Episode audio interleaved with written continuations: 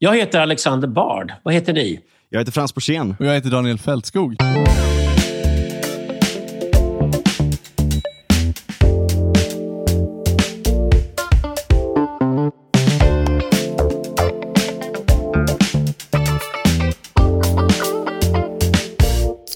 Vi ska prata om internets framtid idag.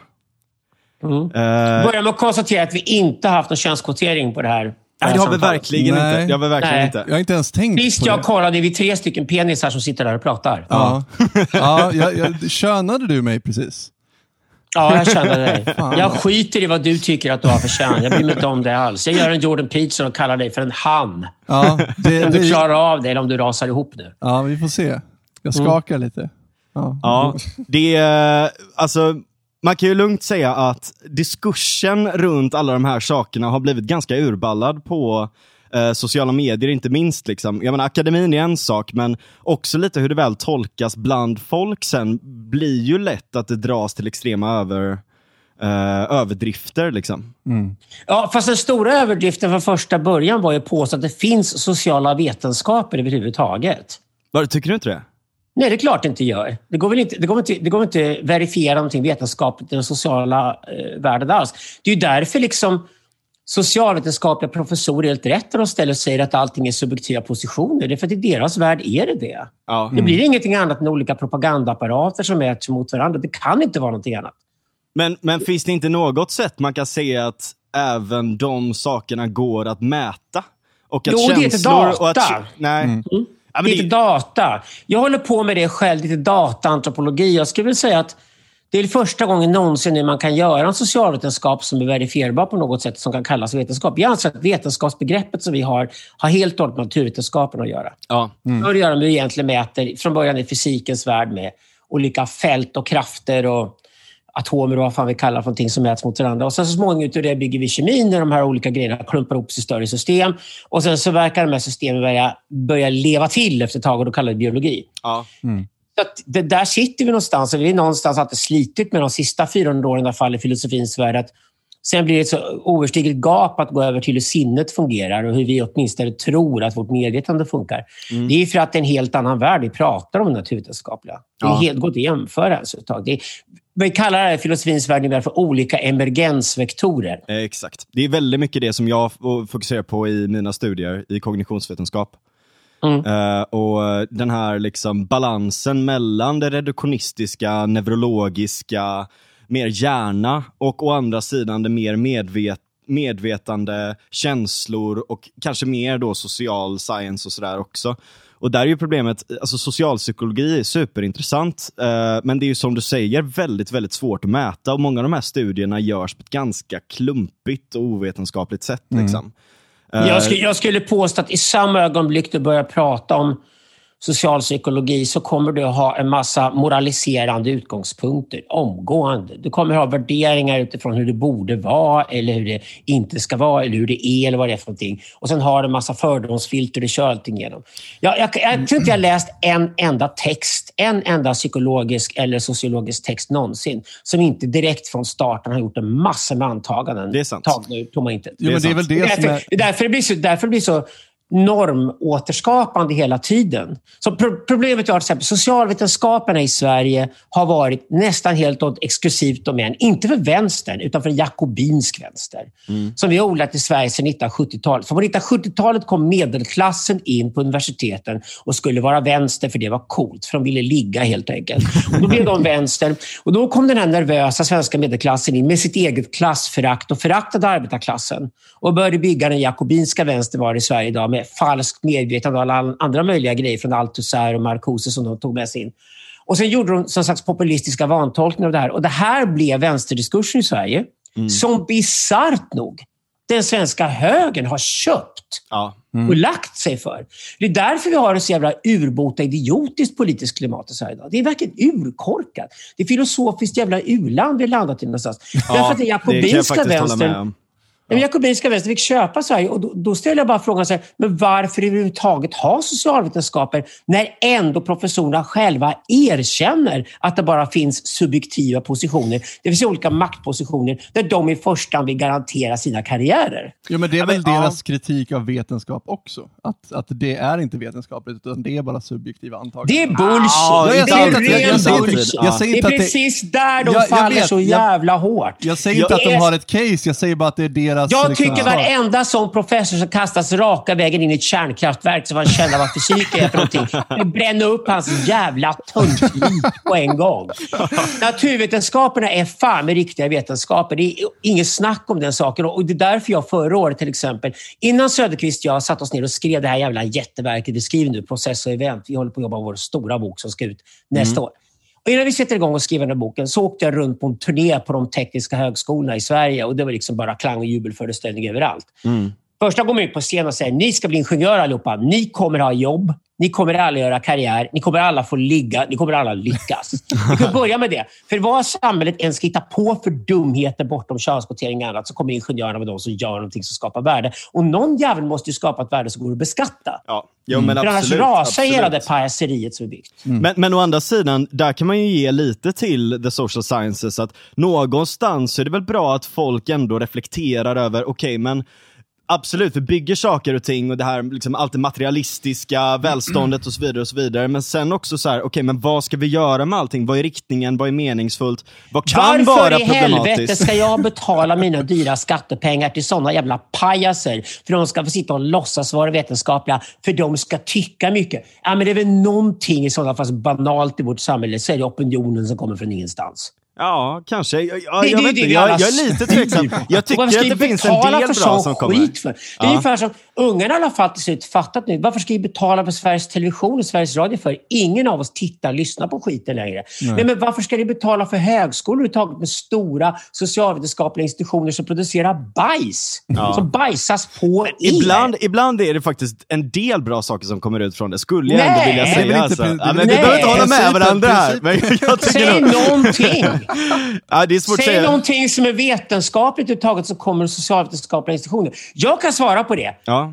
Jag jobbar med Google IDS. Det betyder att jag jobbar med data och jag gillar att få tag på så mycket data som möjligt om människor. Vi kan äntligen bevisa ja. massa saker om människor. Som, ja. som till exempel att nästan allt människor påstår sig själva är bullshit. Ja. Så vi kan Why everybody, eller everybody lies, eller vad heter det? Ja, ja, ja. Det är popversioner av Bard och Söderqvist, så ni vet det. ja, men jag, grejen är att jag tror att den här diskussionen, den andra diskussionen, eh, kan vi nog gå med i evigheter. Men jag tycker verkligen, också för att det är det området som jag är mest intresserad av också, just det här data antropologi, eh, förmågan, alltså att vi nu har fått förmågan att kunna analysera väldigt, väldigt stora mängder social data på internet och faktiskt se idéflöde i princip i realtid, men också i väldigt, väldigt stora mönster, i kluster och eh, över tid. Liksom. Det är en fantastiskt nytt jävla paradigm mm. för hela vetenskapen i princip. Framförallt för social science. Alltså kan man låtsas vara vetenskap äntligen. Men grejen är att det digitala visste jag för 30 år sedan. Det kommer nu på 2020-talet. Ja. Det digitala är först och främst en enda stor vägg som väller in i mänskligheten som minns allt. Mm. Så nästan allting som sker i världen idag spelas in eller, eller bevaras för all ja. framtid mm. någonstans i någon form. Det är det genuint nya i vår tid. Det betyder att vi filosofer måste jobba med att övervakningsstaten är oundviklig. Hur kan du i sådana fall bygga övervakningsstaten på ett sådant sätt att den är så plural och så mycket, och så mycket diversity som möjligt. Och då menar jag diversity i huvudet, för det är det som är intressant, ja, inte ja. hudton. Mm. För det är en sminkfråga och det skiter vi i. Okay? så, så om, om, du, om du tänker att du ska ha många olika hjärnor som opererar, olika arketyper som opererar och är briljanta på olika saker och får det här att funka i sådana fall. Då är det intressant på riktigt med dataantropologi. Verkligen. Jag, Verkligen. jag använder det mest som att visa teser om hur ursprungsstammen såg ut för 20-30 000 år sedan, så vi kan sluta tjafsa om det. det intressanta med det då kan jag sitta med data från inuiter i Kanada, jag kan sitta med data från eh, Chiquibo-stammar i Peru Brasilien. Jag kan studera folk i olika klimatzoner, folk som bor vid floder, folk som bor i berg och titta på dem och upptäcka massor med likheter. Och sen bara kör vi det, de data mot sju miljoner moderna människor som bor i storstäder och upptäcker att oj, shit, folk är likadana hela tiden överallt. Mm.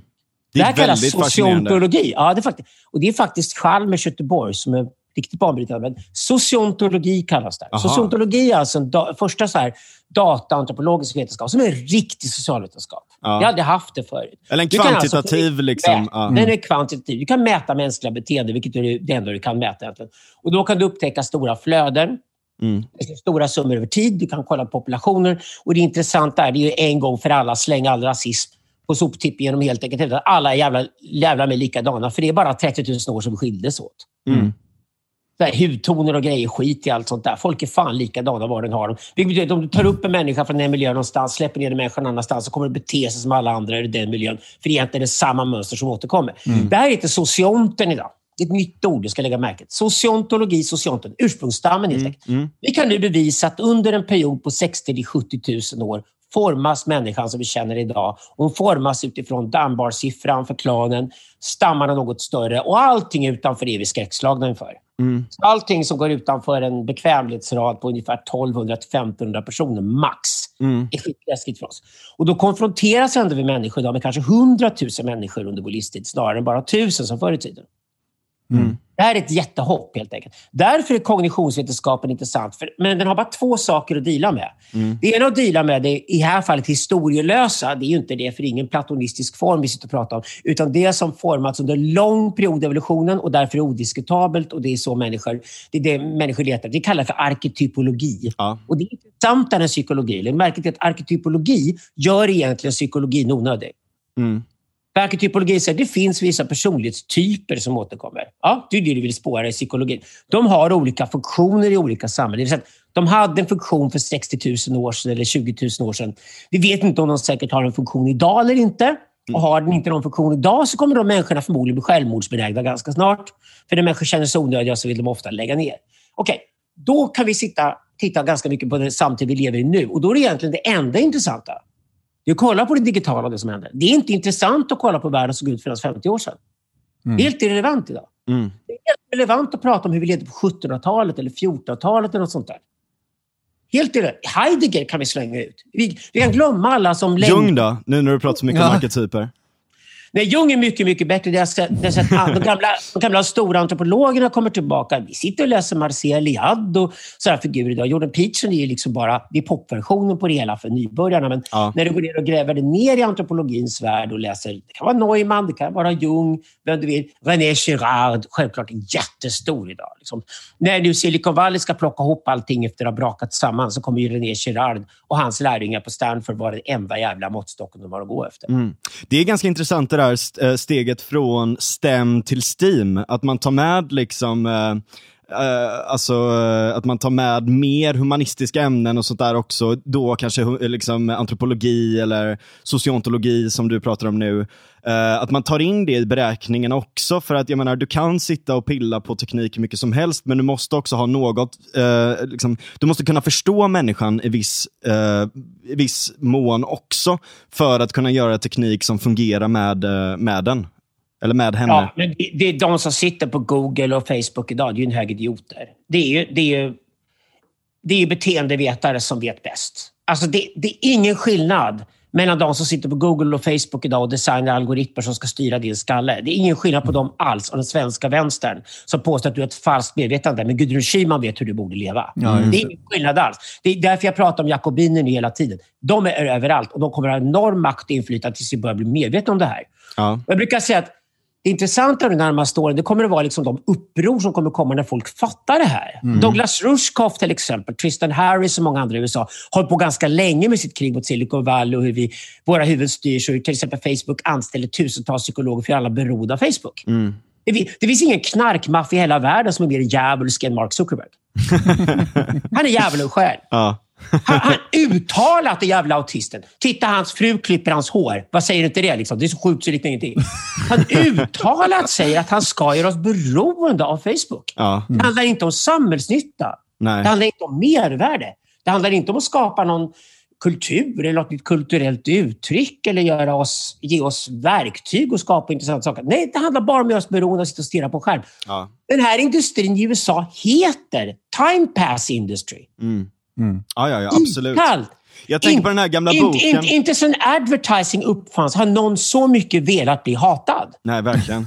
Jag tänkte på den här gamla boken Momo eller kampen om tiden med de här gråa männen som, som stjäl allas tid. Uh, och att den, den verkligen kan koppla till det här också. Det är en ganska bra så här, metafor för vad som händer. Liksom. Det är att man försöker att bara fånga, och det, det är ett sånt så bisarrt koncept också eftersom att tid är så abstrakt. Men sitta och fånga människors tid som en hel industri, det är ju helt bisarrt egentligen. Ja, mm. men vi skrev om det här Netokraterna för 21 år sedan, jag och Jan Söderqvist. Vi kallade det ett konsumtariat och vi sa att det här är den nya digitala underklassen. Mm. De sitter fast i ekokamrar. Ja. De kan bara prata med folk som håller med dem om allt. De är mm. livrädda för allting utanför det. Ja. Och de sitter och dödar tid. Ja. Ja, verkligen. Där sitter de idag ja. liksom på TikTok och allt upp som ungarna har nu. De blir ja, idioter. Det är helt sinnessjukt. Nej, men det är bara, alltså. TikTok är så korkat. Jag dansar lite grann och hoppar, skutta och scrolla. Ja. Det, är så korkat så att det, det här är ju sämre än att vara ett Facebook-troll. För det, då skrek du i alla fall gjorde någonting och tyckte någonting, ja, även om det var förutsägbart och korkat. klumpigt sagt. Men det, spelar, det här är ju ännu dummare. Jag tänkte på det nu. Jag pratade med min lillebror som går i gymnasiet, som har varit tvungen att vara hemma nu. Och Han pratade om det att alla hans polare sitter hemma och kollar på TikTok. Mm. Uh, istället för då att vara ute och träffas, antingen i skolan eller utanför skoltid och såna här saker, och få såna här naturliga sociala mönster. Liksom. Men istället så sitter, jag tror att vi kommer få, den generationen som har varit hemma nu under den här formativa perioden perioden av sitt liv kommer att bli lite knäppa. På grund av att de inte har fått de här åren där de har kunnat utforska det sociala, där de har kunnat hitta sin plats. De kommer vara så ätstörda och ha så dåligt självförtroende så anar inte. Det, det bästa sättet att se det här är... Nu har det varit GameStop till exempel nyligen, ja, senaste mm, hypen. Okay? Jag kallade Occupy GameStop på en gång, så folk ser likheten med Occupy Wall Street. Ja, ja.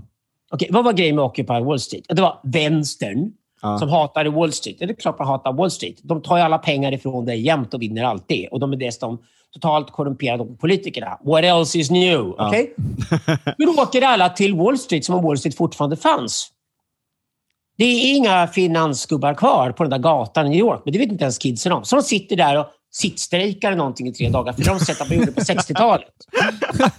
Och, och, då ska man göra det. Och så sitter de där i tre dagar. Inom tre dagar har finans gubbarna hittat dit och säljer t-shirtar till snorungarna som det står I was there, Occupy Wall Street. T-shirtarna såldes av Wall Street själva. Då puckar det TikTok-ungarna. De kommer bli så jävla lurade. Varför då? För de har ingen staying power. De har ingen staying power alls. Jag lovar det. Sätt upp en sån här TikTok-unge och, och kör en staring contest. Man stirrar i ögonen och ser vem som spricker först. Okej, okay, sätt den mot en bananfluga. Bananflugan vinner. Ja. De har ja, ingen staying power. Man kan inte vinna någonting. Alltså, nummer ett i strategi. Okay.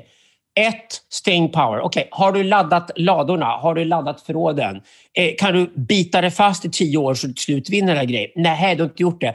Du vill mest bara lite uppmärksamhet. En bild på Instagram eller TikTok. Jag var där. Tre dagar senare så tar du slut och åker hem. Mm. Den här generationen kommer vara så lätta att knulla i huvudet så du anar inte. Mm. De är redan lurade sin i helvete. De kommer aldrig ha pengar, kommer aldrig vara rika. Allt de kommer vända sig om kommer vara svindyrt. Och de kommer få dra hela lånelasset efter coronan är över och det glada 2010-talet man har jättelån äntligen ska betalas tillbaka. Det är ja. den här generationen som får ta smällen. Kommer de protestera? Nej, de kommer inte orka. Nej. Mm. Eller så kommer det bli liksom det här slaktivistiska, en liten bild på Instagram eller sådär. Liksom. Mm. Det skiter väl alla i. Ja, ja visst. Det är det som är Jo, jo precis. Mm. Det, det, är ju väldigt svårt att...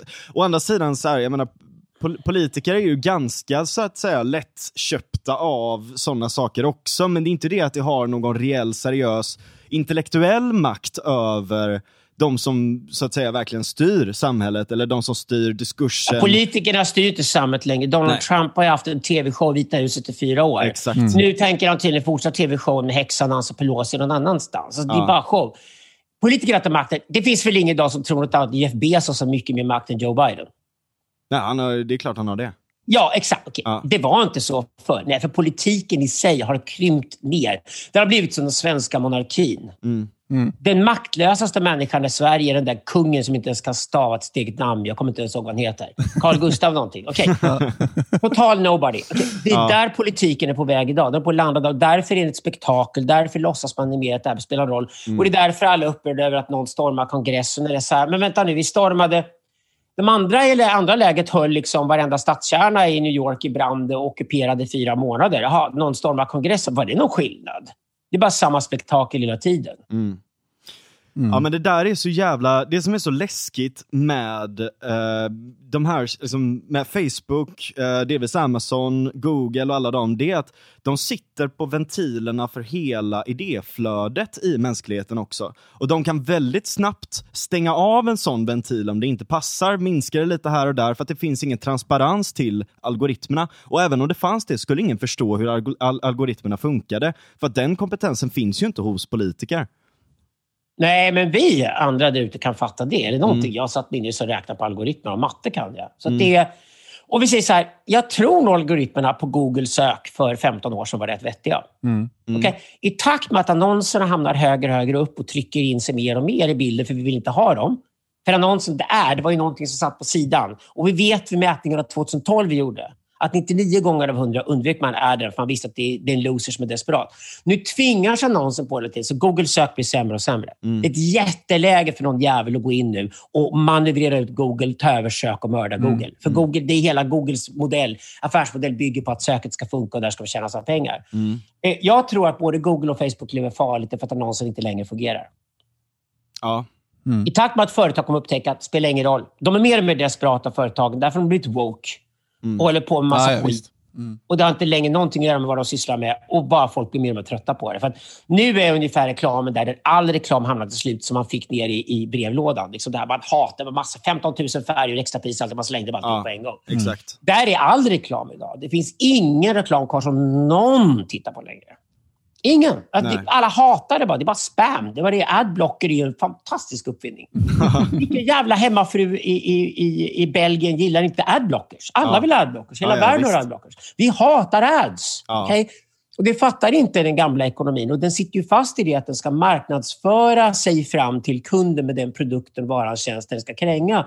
Vilket är att den inte har någon relation till kunden överhuvudtaget. Den ska vid ett till för ett köptillfälle liksom kränga på en grej. Mm, mm. Och Den modellen är ett stendöd. Den tror jag kommer, den, den kommer inte klara sig. Det finns inga vinster att hämta i den modellen överhuvudtaget längre. Verkligen. Och jag skulle vilja dra en parallell där även till politiken. Liksom. För att Vi pratade om det i, eh, jag tror att det var i förra avsnittet, att det har liksom, hela den här matrisen har vänts, liksom, eller hela den här grejen har vänts. Alltså, I början, alltså man bör ju utgå från så här, hur fungerar verkligheten? Vad är forskningslägen runt olika saker? allt sånt där. Sen formar man ideologi, sen formar man realpolitik och sen kommunikation. Men hela den pyramiden har vänts till mm. att man utgår från hur kan vi få det här budskapet att flyga? Går det på något sätt att koppla det till ett realpolitiskt förslag? Kan vi liksom någonstans skohorna in det i ideologin och kanske hitta någon rapport som kan kopplas till det? Mm. Jag glömmer inte att det är ett stort fett ego någonstans på vägen som ska promotas. Ja, ja gud ja. Det, det är liksom ja. först då. Det är politiker ja, det är det i det här fallet. Ja. Deltagaren exakt, liksom. i tvåloperan ska fram. Liksom. Ja. Mm. Verkligen.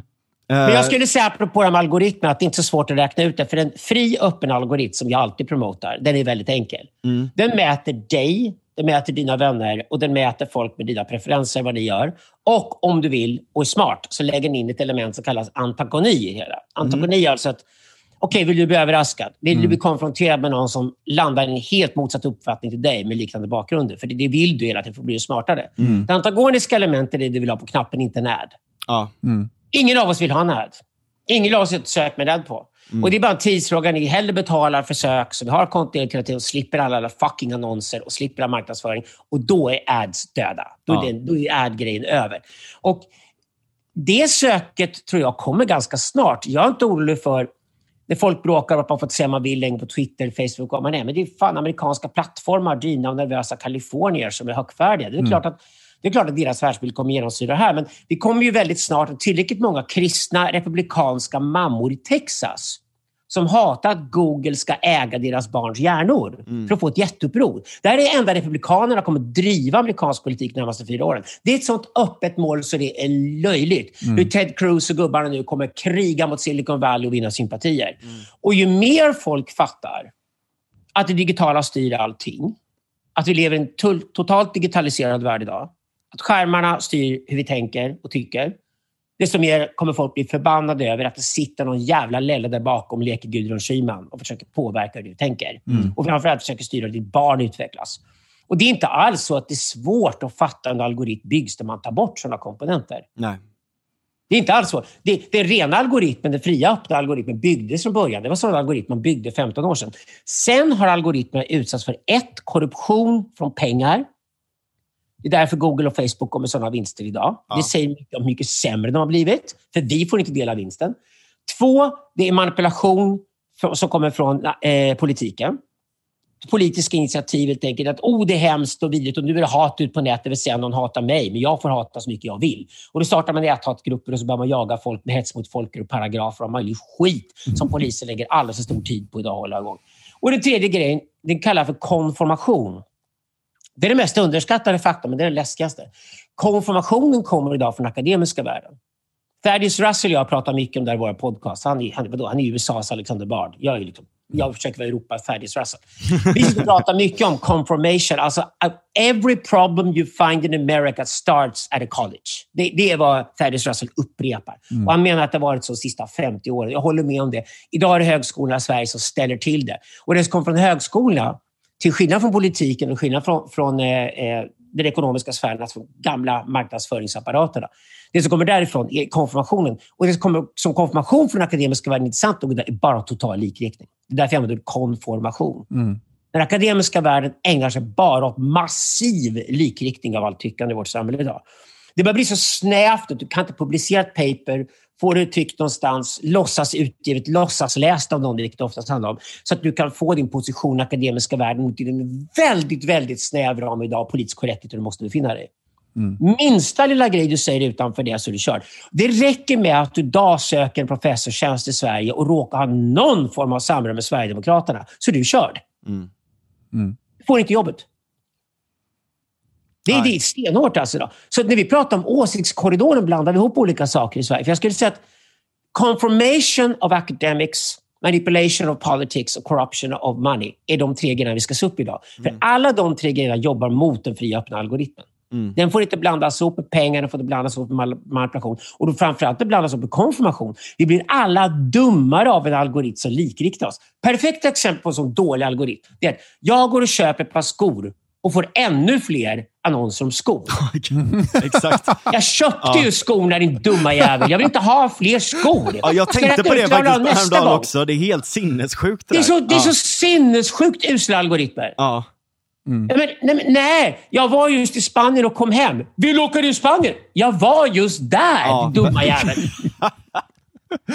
Så ja, ja, ja. dåligt. Förstår du då vilka puckon det är som bygger algoritmer? Alltså, det är inte så att du ska tro att du inte fattar hur en algoritm byggs. För det är någon smart jävel som sitter och bygger algoritmer, någon slags wizard of oss. Sitter och bygger. Du anar inte hur puckar de här programmerarna är som designar de algoritmerna. Nej. När det, det bästa de kunde göra var att sluta tänka, inte ta emot några pengar, inte lyssna på politik alls. Förbjud politik på arbetsplatsen och framförallt aldrig ha en akademiker i närheten av algoritmbygget.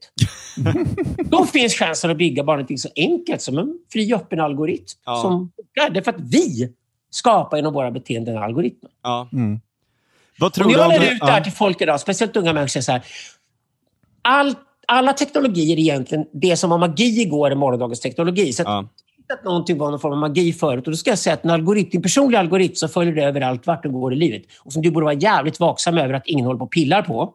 De här krafterna vi pratar om. Mm. Det kallar jag för skyddsängel idag. Mm. Jag brukar säga till folk, gå och ta jävligt mycket droger någonstans och bli jävligt, jävligt hög med en polare. Och så sitta och döp varandras skyddsänglar och så gör det som en ceremoni. Och sen har du gjort det. Gör det ja. då till Sverige. Det låter som en väldigt, väldigt bra idé faktiskt. Ja, gör det som en riktig jävla tripp. Så här, wow, jag mötte min skyddsängel idag. Ja. För det är fan vad en algoritm är. Och när folk börjar fatta att en algoritm är något som följer mig och går till mig hela livet, kan göra mitt liv så oerhört mycket smartare och enklare. Och dessutom i konkurrens med andra. För de som har bra skyddsänglar kommer vara vinnarna. Ja. De som har dåliga skyddsänglar kommer förlora i samhället. Det vill säga, Verkligen. hur vidare ditt användande på nätet, vad du gör för någonting, kommer bestämma om du är smart eller dum. Men det är då du blir riktigt arg på Google och Facebook. Mm. Vad fan gör de? De är inne och geggar i huvudet på min skyddsängel för att kunna gegga huvudet på mig. Ja, mm. ja, ja, ja, verkligen alltså.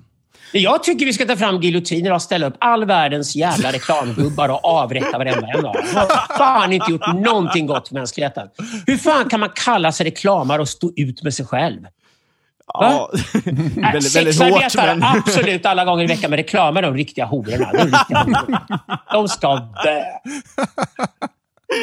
Ja, det är, det är alltid uppfriskande att få Vad säger du kognitionsvetarna? ja, men jag, nej, men jag, eh, jag eh, kanske inte vill gå lika långt, men jag tycker att du har en jävligt bra poäng men, i det där. Menar du det här metaforiskt eller menar du det på riktigt? Ska jag vi fram men... Nej, jag börjar komma till en punkt jag tror det är på riktigt faktiskt. Det börjar kännas lite 1789, okej, okay, jakobinerna kom där, okej. Okay. Hur stoppar jakobinerna? Vi ska nog gå fram lika hårt som de gör. Vad fan? Ja, men Ludvig bara. Nu. Nej, men mänsklighet inte har någon nytta av, varför ska det finnas för att andas? Liksom? Det, det, som jag har varit, eh, det som jag verkligen kan hålla med om, det är just det här med, eh, alltså en sak som jag verkligen återkommer till gång på gång på gång på gång, både när jag läser kognitionsvetenskap, Uh, alltså mer psykologi och hela det hållet. När jag läser om artificiell intelligens, uh, information integration theory, hur uh, nätverk kopplas ihop och får större intelligens ju mer uh, interkonnektivt det är. Eh, men även när jag läser ekonomi, jag har börjat läsa en del uh, McCloskey på sistone, som pratar om att det är idéer som har byggt en, en välståndet. underbar hen för övrigt. En av de bästa hennarna i hela världen. Verkligen. Ja, verkligen. Rekommenderas här. Okay, Allt om hörni, ska vi svara liksom... liberalismen så gör hon det bästa caset som finns för det. faktiskt. Verkligen. Mm. Och jag ja. menar, hennes case är ju det här då att ja men det är idéer som bygger samhället. Det är inte de här jävla livlösa institutionerna, det är inte det mm. livlösa kapitalet, det är inte de livlösa politikerna och myndigheterna. Det är människor som knullar med idéer. Och alltså om man ser till alla de här sakerna, då är det väl klart som fan att vi inte kan begränsa allt det här idéflödet så jävla mycket som vi gör i dagens läge. Mm. Och istället bara ha Uh, liksom så här, göra det jävligt trångt att komma in i rätt idéforum eller nås av rätt idéer och bara streamlina allting in i de här modellerna som bara sitter och trycker in jävla skit i folk hela tiden. Så mm. Skitsnack, Uh, liksom, uh, folk som sitter och hånar varandra, är elaka mot varandra, folk som gör efterblivna jävla danser, folk som, folk som bara gör meningslösa saker hela tiden, som bryr sig om meningslösa problem, som gör meningslösa saker och som blir arg för meningslösa saker. Vad fan, skaffa er lite större problem i livet och låt liksom hela den här idéflödet faktiskt flöda fritt. Mm. Det är någonting som jag inte kan komma ifrån. Mm. Om man ska bli smart ska man läsa först Marshall McLuhan och lära sig medieteori och fatta hur mycket maskiner omkring och styr oss. Sen ska man läsa Didrik McCloskey. Mm. Det, det, är därför jag, jag har jobbat med Didrik. Vi, vi krockar med varandra på hackerskonferens hela tiden. För Didrik, som jag, hon älskar ju självklart hackers. Ja. Mm. För hackers i vår tid med, med sina decentraliseringssträvanden och alltihopa är, är det bästa hoppet vi har för att slippa Xi Jinping och Kina som modell överallt. Mm. Ja, verkligen. Det är, eh, Ja, hon är grym. Men man ska, läsa, man ska först läsa, man ska liksom ta Aristoteles och förstå att det är två sidor av myntet. Man ska först läsa Medieteori och Marshall McLuhan. Sen kan man läsa Jim McCloskey som ja. stenhårt och plädera för idéernas värld. Men man ska fatta var idéerna föds det finns, ur. Ja, precis. Mm. Teknologin och hur vi interagerar med varandra. Och det är där Infrastrukturen går... liksom. Ja, precis. Och det är det som är så viktigt med att läsa Marshall McLuhan. Som till exempel när jag och Jan Söderqvist skrev Autokraterna för 21 år sedan. Det är så tydligt när man läser boken efter att här Hegel möter Nietzsche. Där jobbar vi jämt. De två giganterna vi jobbar med hela tiden. Men vi lade till Marshall McLuhan. Mm. För att Hegel och Nietzsche kunde inte säga någonting om det digitala. Men Marshall McLuhan var en profet. Han och de stora cybernetikerna, liksom, Norbert mm. Weiner och de andra på 90-talet, fattade att internet skulle komma. De fattade att internet skulle svälja och ta över världen. Och de började diskutera vad television var, vad radio var och sen började de fundera på vad kommer det digitala vara när det kommer? Kommer det vara ett hett eller ett kallt medium? Kommer det engagera människor? Kommer det pseudo-engagera människor eller kommer det bara göra människor helt passiva? Mm. Och svaret på det är helt enkelt att internet gör både och. Ja. Du, du, du, måste idag sätta ner när du sätter på datorn och tänka, är jag med här och aktivt skapar ett värde? Är engagerad i någonting? Mm. Eller sitter jag bara passivt och tar emot någonting? Ja. Och sitter jag passivt och tar emot någonting, då är det en jävla skillnad att titta på den fåniga dansnummer på TikTok eller lyssna på världens bästa föreläsare. Exakt, mm. verkligen. Det ena, verkligen. det ena gör mig dum, det andra gör mig smart. För det är inget ja. fel att ta emot någonting. Det är fan man ska göra. Det, som varenda tjej säger, jag ska väl ha någon kar ta emot honom. Det är det tjejer gör. Men alltså, publiken ska ta emot... Också kanske. Det händer det med, ja. Vi ska inte vara trångsynta här. Nej. Bra. Men, men det, det, att läsa McLuhan och McCloskey, tror jag, till exempel om man läser med Jan, mm. så ska man då titta på att ja, vi har massor att göra med dem också. Vi är inte ja. liberaler som McCloskey, men om någon har ett case för liberalismen så är det Didrik McCloskey som driver verkligen, det. Verkligen, mm. Mattias Svensson skrev en sån bra text, jag tror det var idag faktiskt, uh, eller möjligtvis igår, om uh, Davos. Alltså den här, det här uh, där man har en årlig konferens om ekonomi och sådär då. Och att alla, på tal om det du sa om Kina, Uh, att alla verkar liksom flörta med de idéerna så jävla mycket. Hela den här top-down-idén om att vi kan styra hela ekonomin, vi kan styra hela beteendet och att mm. det är till och med uppmuntrat att företagen börjar göra det, att politiken gör det i en högre grad. Mm. Man pratar om EUs, uh, att EU måste konkurrera med sina egna techgiganter och att de ska få subventioner. Mm. Som att mm. det skulle lösa någonting, att man ger dem subventioner för det. Ja. Uh, eller, eller liksom specialregler eller specialtullar eller vad fan som helst. Att de tror att de kan sitta och välja vinnare. Mm. Hela det här är ju liksom att man tror att man kan konkurrera med Kina i det här, för det första. Och man tror att det är effektivt att styra en samhällsmodell på det här. Och, Men menar... alltså Davos, Davos, World Economic Forum Davos är exakt de tre gamla eh, institutionerna som håller på att dö och nu gör de sin sista ansträngning att försöka ja. ta över världen och styra den. Det vill säga den akademiska världen, näringslivet och politiken mm. möts där. Eller och den korporativistiska de världen kan ja, man säga. Precis. Exakt. Ja, nej, det är tre institutioner ska jag säga. För det här är hela linjen. Jag tror inte det spelar roll om du är vänster eller höger, om du åker till Davos och politiker. Alla håller med om att Davos åker man till. Vi ska ta över och styra världen rätt. Annars går det åt skogen, men vi vet bäst och vi ska styra världen i ja. detalj. Mm. Och då kommer liksom alla de här Eh, ja, coronan kom. Vad bra! Då är det ett nytt tillfälle för nytt. Och så kryddar man på det med lite grönt, eller sådär, ungefär som det vore något provocerande radikalt och så att planeten kanske ska funka. Det är väl alla överens om det laget. Mm. Och sen så säger man och det ska vara en stor, stor omställning. Och jag vet varifrån det här kommer också, för det är faktiskt min akademiska bakgrund. Jag är ekonomisk geograf från början, alltså stadsplanerare. Aha, okay, ja. Mm. Ja. Och stadsplanering är egentligen det är helt enkelt ett ramverk för arkitektur. Mm. Det betyder att som stadsplanerare skulle jag egentligen lära att arkitekter är Helst filosofiska konstnärliga genier, det hoppas du i alla fall. Inte ingenjörer, de ska bara bygga sakerna sen. Och arkitekterna har en god smak och liksom har roliga preferenser och kan utmana folk med att bygga saker som inte skiten ur dem. Och sen hundra år mm. senare blir det jublar man över och så vidare. Stadsplaneringen ska bara skapa ramen för det. Det vill säga stadsplaneringen ska inte bestämma, okej, okay, ska vi dra en tunnelbana eller inte? Hur ser geologin ut? Är mm. det värt investeringen eller ska vi ha massa dieselbussar? Vi kommer inte på något bättre som sköter transporter. Det är vad stadsplanerare gör. Det här tänket nu att man ska styra världen den vägen har letat sig in i techföretagen. Mm. Det har börjat dominera den politiska diskursen. Till exempel Miljöpartiet i Sverige. Mm, ja, det är väldigt tydligt. Miljöpartiet verkligen. vill beskatta oss. De beskattar ihjäl oss. De vill ha högre skatter än någonsin. Och sen vill de dessutom tvinga på städer. Du får inte bestämma om du vill ha en elbil ens, en bil, eller en cykel eller gå. Utan du måste cykla eller gå. Punkt. Mm. Okay? Bilen är ond. Ingen vet varför. Alltid elbilar i alla fall om tio år. Vad skulle den vara ond för? Nej, den är ond. Mm. Bil, man bestämt bilen är ond för att det är inte kollektivt transportmedel. Du är alltså inte utsatt för andra människor som flåsar i nacken. Då får du sitta i en bil. Det är bilhat. Det är ingenting annat än bilhat. Det finns ingen logik i det här. Ja. Och så bygger man liksom hela modeller för hur samhället ska se ut. Och Då kommer alla de här viktigpettarna springande in i de här rummen. Det är alltså på arkitektkontoren det här händer väldigt mycket. Mm. Där möts alltså politiken, gamla näringslivet ska vi hålla med om här. En hel del av storhetsvansinnet hos tech-entreprenörer, det vill säga platonisterna, Silicon Valley, kommer springa i rummet. Och så kommer den akademiska världen in med sina socialvetenskaper. Och de vet hur vi ska leva och de sitter med liksom stenhårda könskvoteringar i varenda gathörn och sådana saker. Mm. Så de har alltid någonting att göra, för ingenting att göra kommer någon människa någonsin följa. Nej. Skapar du då ett samhälle där inga människor kommer bete sig som du tycker är önskvärt, vad har du gjort då? Du har gett dig själv ett jobb för evigt som ingen kan sparka dig ifrån. Mm. Där har Sverige fastnat. Verkligen, mm. verkligen. Och Det skulle jag säga att det är ett problem som återkommer i England, Holland, Danmark också. Det återkommer i Kalifornien med. På många platser har jag börjat se hur det växer fram.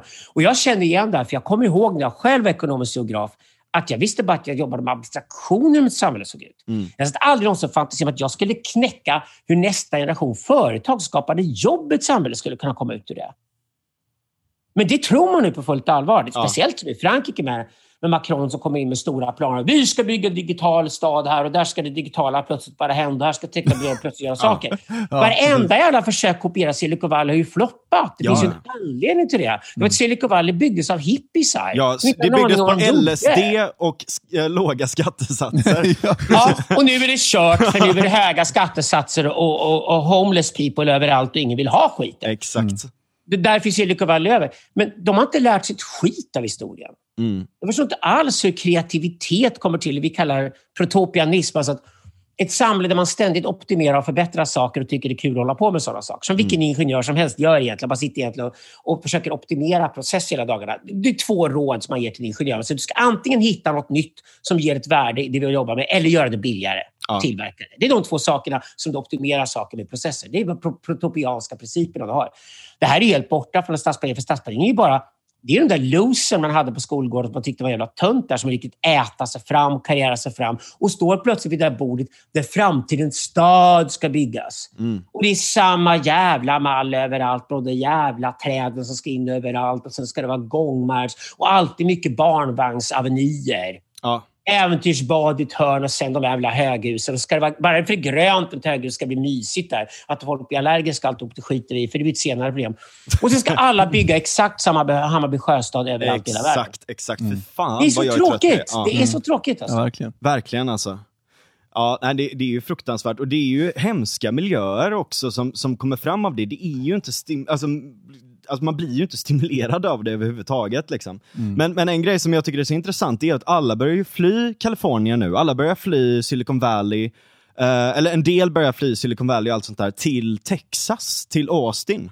Mm. Och Kanada. Och Kanada dessutom. Ja. Berätta. Det är alla, alla mina vänner dragit i jag skulle tippa att nästan alla drog sista fem år. Mm. De smarta drog för fem år sedan. Det var så? Mm. Varför drog de till Kanada? alla, jobb, alla jobbar med i USA. Thiel Foundation, allihopa jobbar med i USA. De, ingen är kvar. Nej. Mm. Ingen har, tänker återvända heller. Jag pratade med en sloven igår. Det var den enda kända som jobbar i Silicon Valley som tänker vara där. Men han tycker nästan det är kul, fast det blir spökstad att åka tillbaka till. eh, eh, visst, eh, de, de, high profile är det Austin, Texas och Colorado. Colorado mm. är så dyrt nu så det är nästan ingen som köper något där längre. Austin, Texas växer så det dånar om det. Mm. Eh, men det är inte, det, Austin syns och märks. Elon Musk aldrig skryter om att de är där och Dave Rubin flyttar dit allting. Mm. Joe Rogan. Jaha. Ja, precis. De är alla Austin. Men, men det är också en stor utflyttning till Kanada som pågår och det märks när du tittar på AI-världen. Ja. Hmm. För AI i Nordamerika är nästan helt och hållet i Toronto och Montreal. Varför? Ja, vad händer? Eh, ja, det finns en fördel i Quebec som man inte har i USA. Eh, folk pratar två språk. Ja. Just det.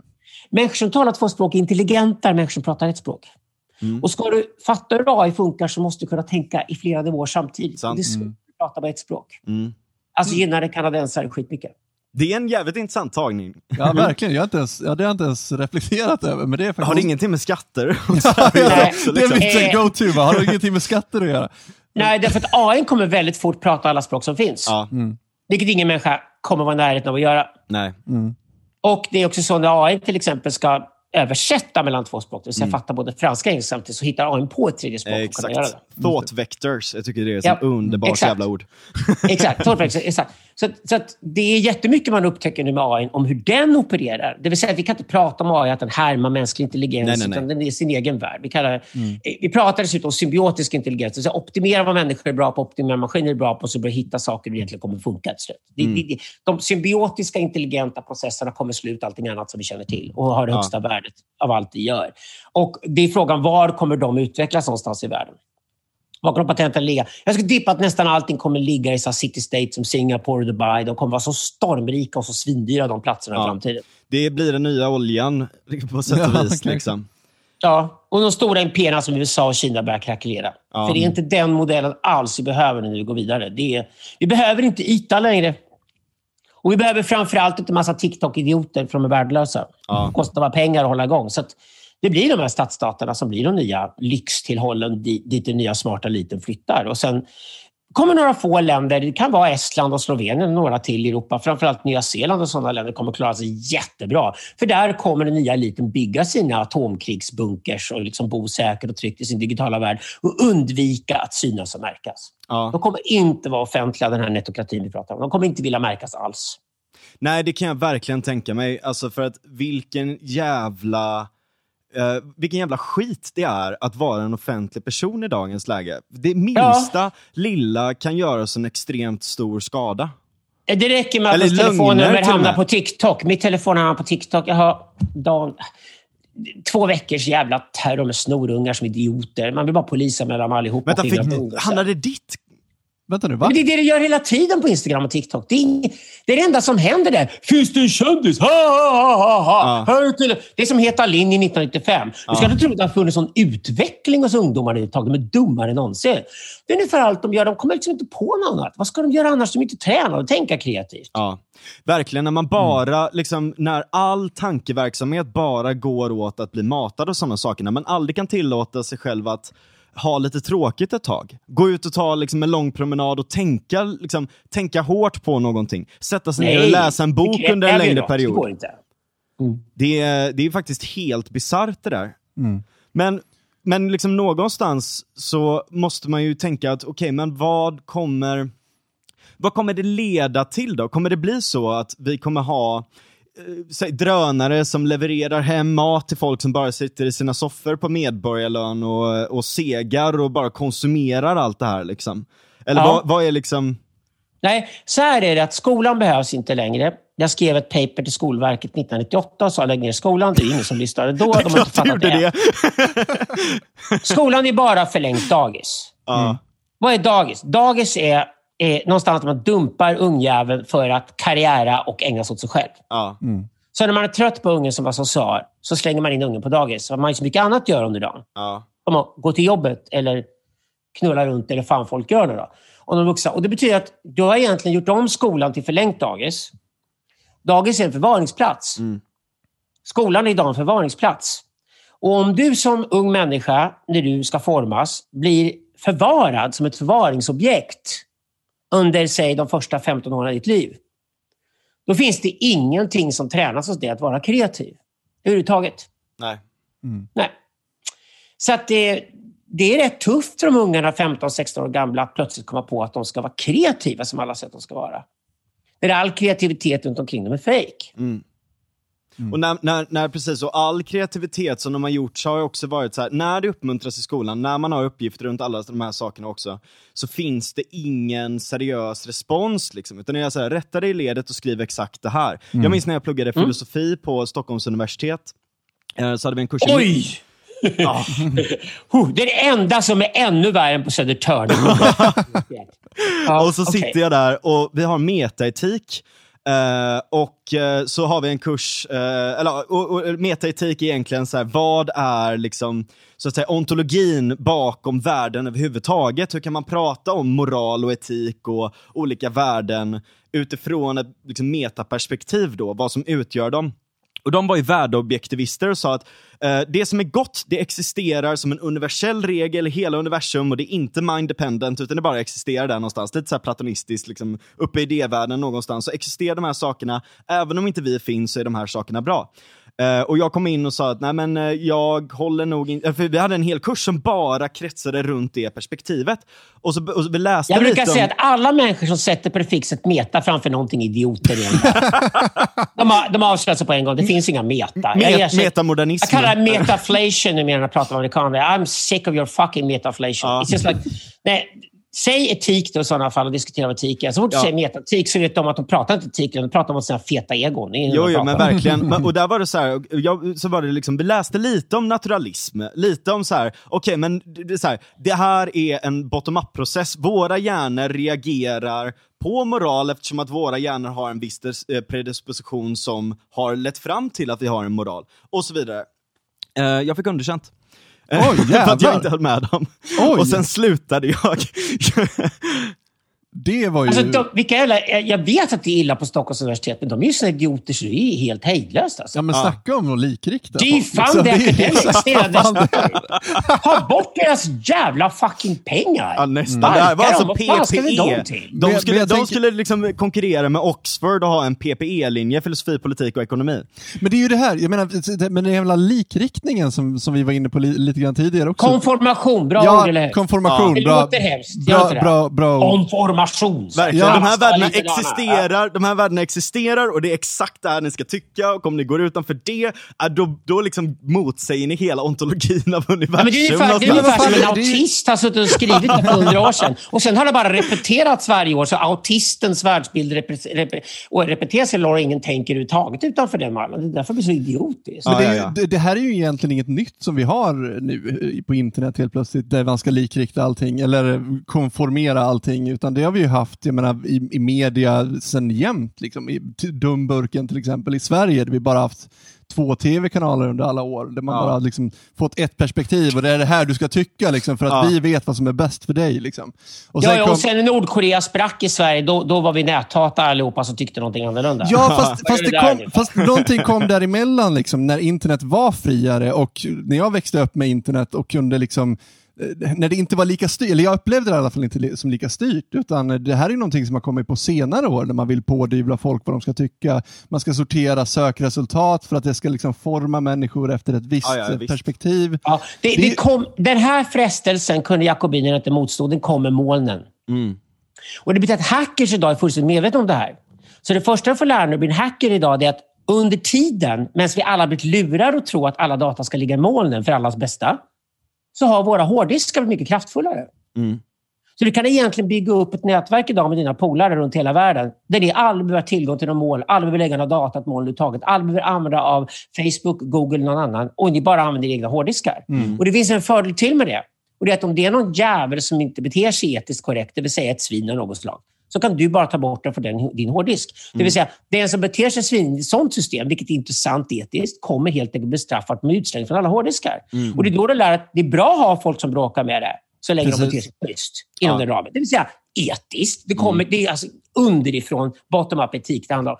Det här är helt avgörande i hackersvärlden idag. Det är, det är liksom kutym att det är kultur i hackersvärlden idag. Mm. Och Det betyder helt enkelt om du, om du gillar honom, ge honom plats på din hårddisk. Om jag inte gillar honom, ta bort honom från min hårddisk. Och Sen blir alla hårddiskarna bara ett stort nätverk. Och Då betyder det att de flesta av hårddiskarna i nätverket kommer vara tillgängliga för dig att lagra data på. Speciellt att dela data med andra. Och Då får du ett decentraliserat system det var massor med datalager som ska börja processa och då kan du uppfinna nya system. Det vill säga en slags open source du jobbar med hela tiden. Ja. Men mm. den här gången ligger datalagringen på hårddiskar som ägs av vanliga människor och som inte är corporate property.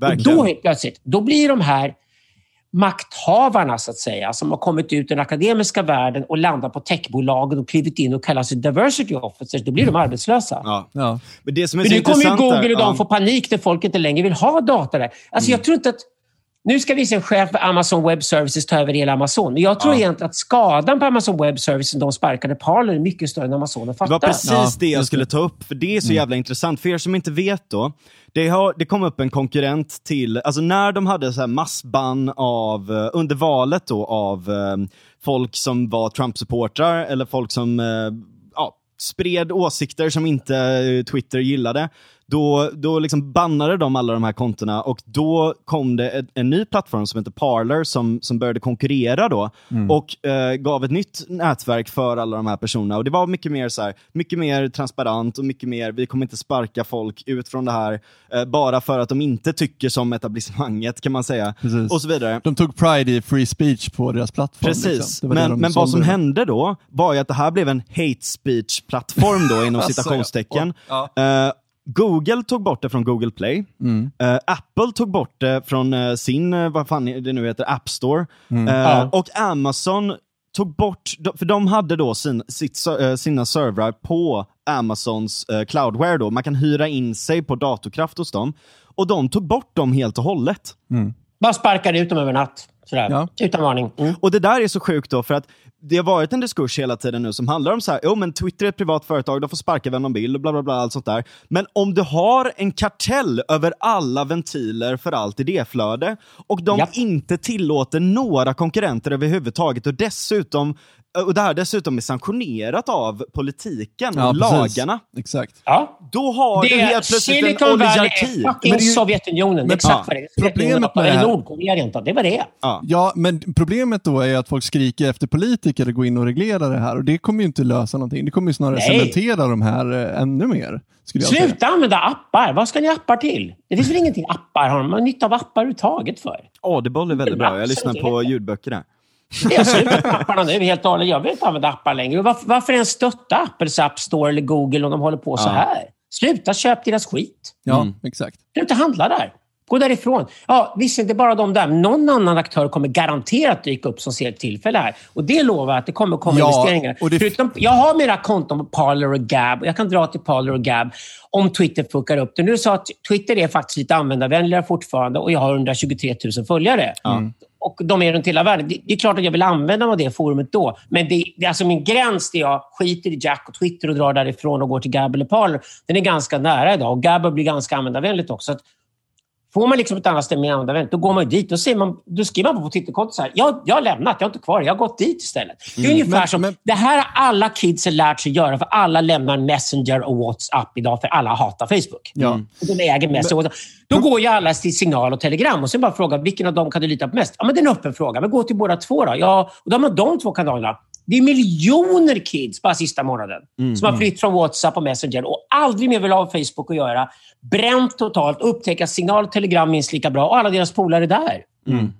Jo, det är det som är grejen med, med liksom nätverkstjänster. Att, att det finns ju ett värde i om alla andra också är där, vilket Exakt. gör att de här tjänsterna blir lätt ganska stora. Liksom. Det är men därför det jag är kvar också.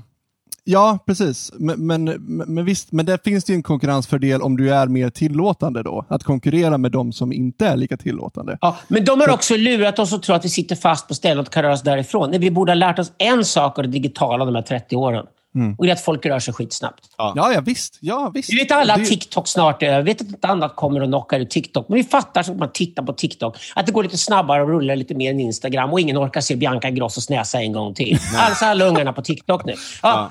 Hur många år har det? Två, kanske, sen är det över. Så mm. jag menar, signal och telegram är inte the end of the story heller. Men vi vet bara en sak, att nu när krypteringen har kommit så vill folk jävligt gärna ha den. Och nu bara folk medvetet om att kryptering var inte en så dum idé alls. Och att jag får trycka på knapp när jag delar mina data med andra är kanske inte så dum idé heller. Mm. Mm. Sen ska inte ja. Apple springa runt och tro att de är trovärdiga i någon slags personlig integritet. Apple bannlyser grejer från sin App Store hela jävla tiden. Tim Cook är också en liten påve som ska bestämma hur vi ska tänka. Mm. Han är helt färgad den här skiten. Ja. Men, men där är ju också, jag menar, jag, tycker, jag, jag, läste faktiskt på vägen hit så läste jag de här knäckta eh, Encrochat där folk har liksom planerat mord och planerat det ena och det andra och det tredje. Det finns ju, och det, det som du sa också det här med alltså hotet mot kryption och eh, enkryption och, eh, och alla de här sakerna. att Kommer vi att kunna ha integritet? Kommer vi att kunna ha krypterade tjänster eller kommer det att raderas ut eftersom att det också går att använda dem för väldigt, väldigt vidriga syften? Alltså, vi tål inte anarki och det här är problemet. Det, ja. det stora frågan närmast under åren är hur ska vi hantera anarki? Mm. Okay? Verkligen, ja. Eh, okay med all säkerhet när krypteringen slår igenom fullt ut så betyder det att vi kommer åtminstone, vi tittar rent, bara rent fysio, fysiskt. Liksom. Så, så till slut hamnar det, om det skulle gå mot kvantdatorer så småningom, så betyder det att krypteringen kan göras perfekt. Yep. Då kan vi kommunicera med varandra utan att någon avlyssnar oss. Då kan mm. vem som helst beställa ett mord och ingen vet varifrån beställningen kom. Mm. Det är ett jätteproblem. Mm. Vi filosofer har inte dolt den frågan alls. Vi ser att anarkin kommer att vara ett stort problem i vår tid. Ja. Men sen tittar vi på hur olika hyfsat fungerande system uppstår historiskt. Och då kommer det begreppet plurarki. Mm. Och plurarki är helt enkelt så att vissa människor börjar bli trovärdiga än andra efter ett tag när du har en platt struktur som internet. Det vill säga vissa människor får följare. De är antingen roligare eller smartare än vad de andra jävlarna är där ute. Men de andra jävlarna är väldigt konventionella. Ja. Så medan den stora massan bara härmar varandra och alltså blir förlorare och får 14 följare och, och sen 13 nästa år, så går istället andra mot 75 000 följare som blir 150 000 nästa år. Mm. Därför att de har ett högre infotainmentvärde. Och det är det enda algoritmen egentligen ska mäta, infotainmentvärdet. Mm. Mm. Det vill säga, bli underhållen eller lär mig någonting. Det är de två sakerna människor letar efter överallt. Ja. Okej, okay, då har du infotainmentprincipen, du har algoritmer som borde styras och vart är på väg. Då får du ändå vissa noder. Och en sak är säker, de här noderna är ganska få. Det är få vinnare i världen. Mm. Och Det kommer vara de här vinnarna som kommer ha inflytandet. Mm. Någon enstaka mord kan mycket väl hända. Det händer. Folk ringer varandra, går runt bak, runt hörnet och skjuter varandra i huvudet. I Sverige gör de det överallt numera. Mm. Folk skjuter varandra hej vilt för att ingen vill ta itu med det. Det kallas gängvåld istället. Ja. Men mord och brott förekommer i alla samhällen. Det gör de i alla samhällen som är större än stamstorlek så kommer omgående kriminalitet in som ett problem. Mm. Och Det är väl klart att i en global värld idag, det liksom egentligen all rymd har försvunnit. Det digitala har gjort att all rymd är borta. Det är bara tiden som alla är besatta av. Tidsaxeln. Vem snor dina ögon? Vem snor dina öron? Attentionen är den stora grejen i vår tid. Därför kallar vi det här för det attentionalistiska samhället. Och då ska jag säga så här, i det samhället är tidsaxeln helt avgörande för värde och du vill inte slösa bort din tid på fel grejer. Det är det viktiga för dig. Men om du börjar bete dig så, det vill säga att du är sparsam med vem du använder din tid på. Du vill bara nätverka med andra människor som är inflytelserika. Du går mot de här noderna och du vill själv vara en sån nod. Då kallas ja. hela det fenomenet för nodalisering. Mm. Det är en pluralki. Och det betyder ganska få aktörer kvar, de vi kallar etokrater då. Och mellan dem kommer det garanterat snabbt uppstå starka etiska koder hur man ska bete sig. Mm. Mm. Och De kommer uppmuntra kraftfull yttrandefrihet, stor kreativ frihet, men de kommer inte alls digga att du tar fram ett vapen och skjuter någon i huvudet för att du känner för det. Nej. Mm.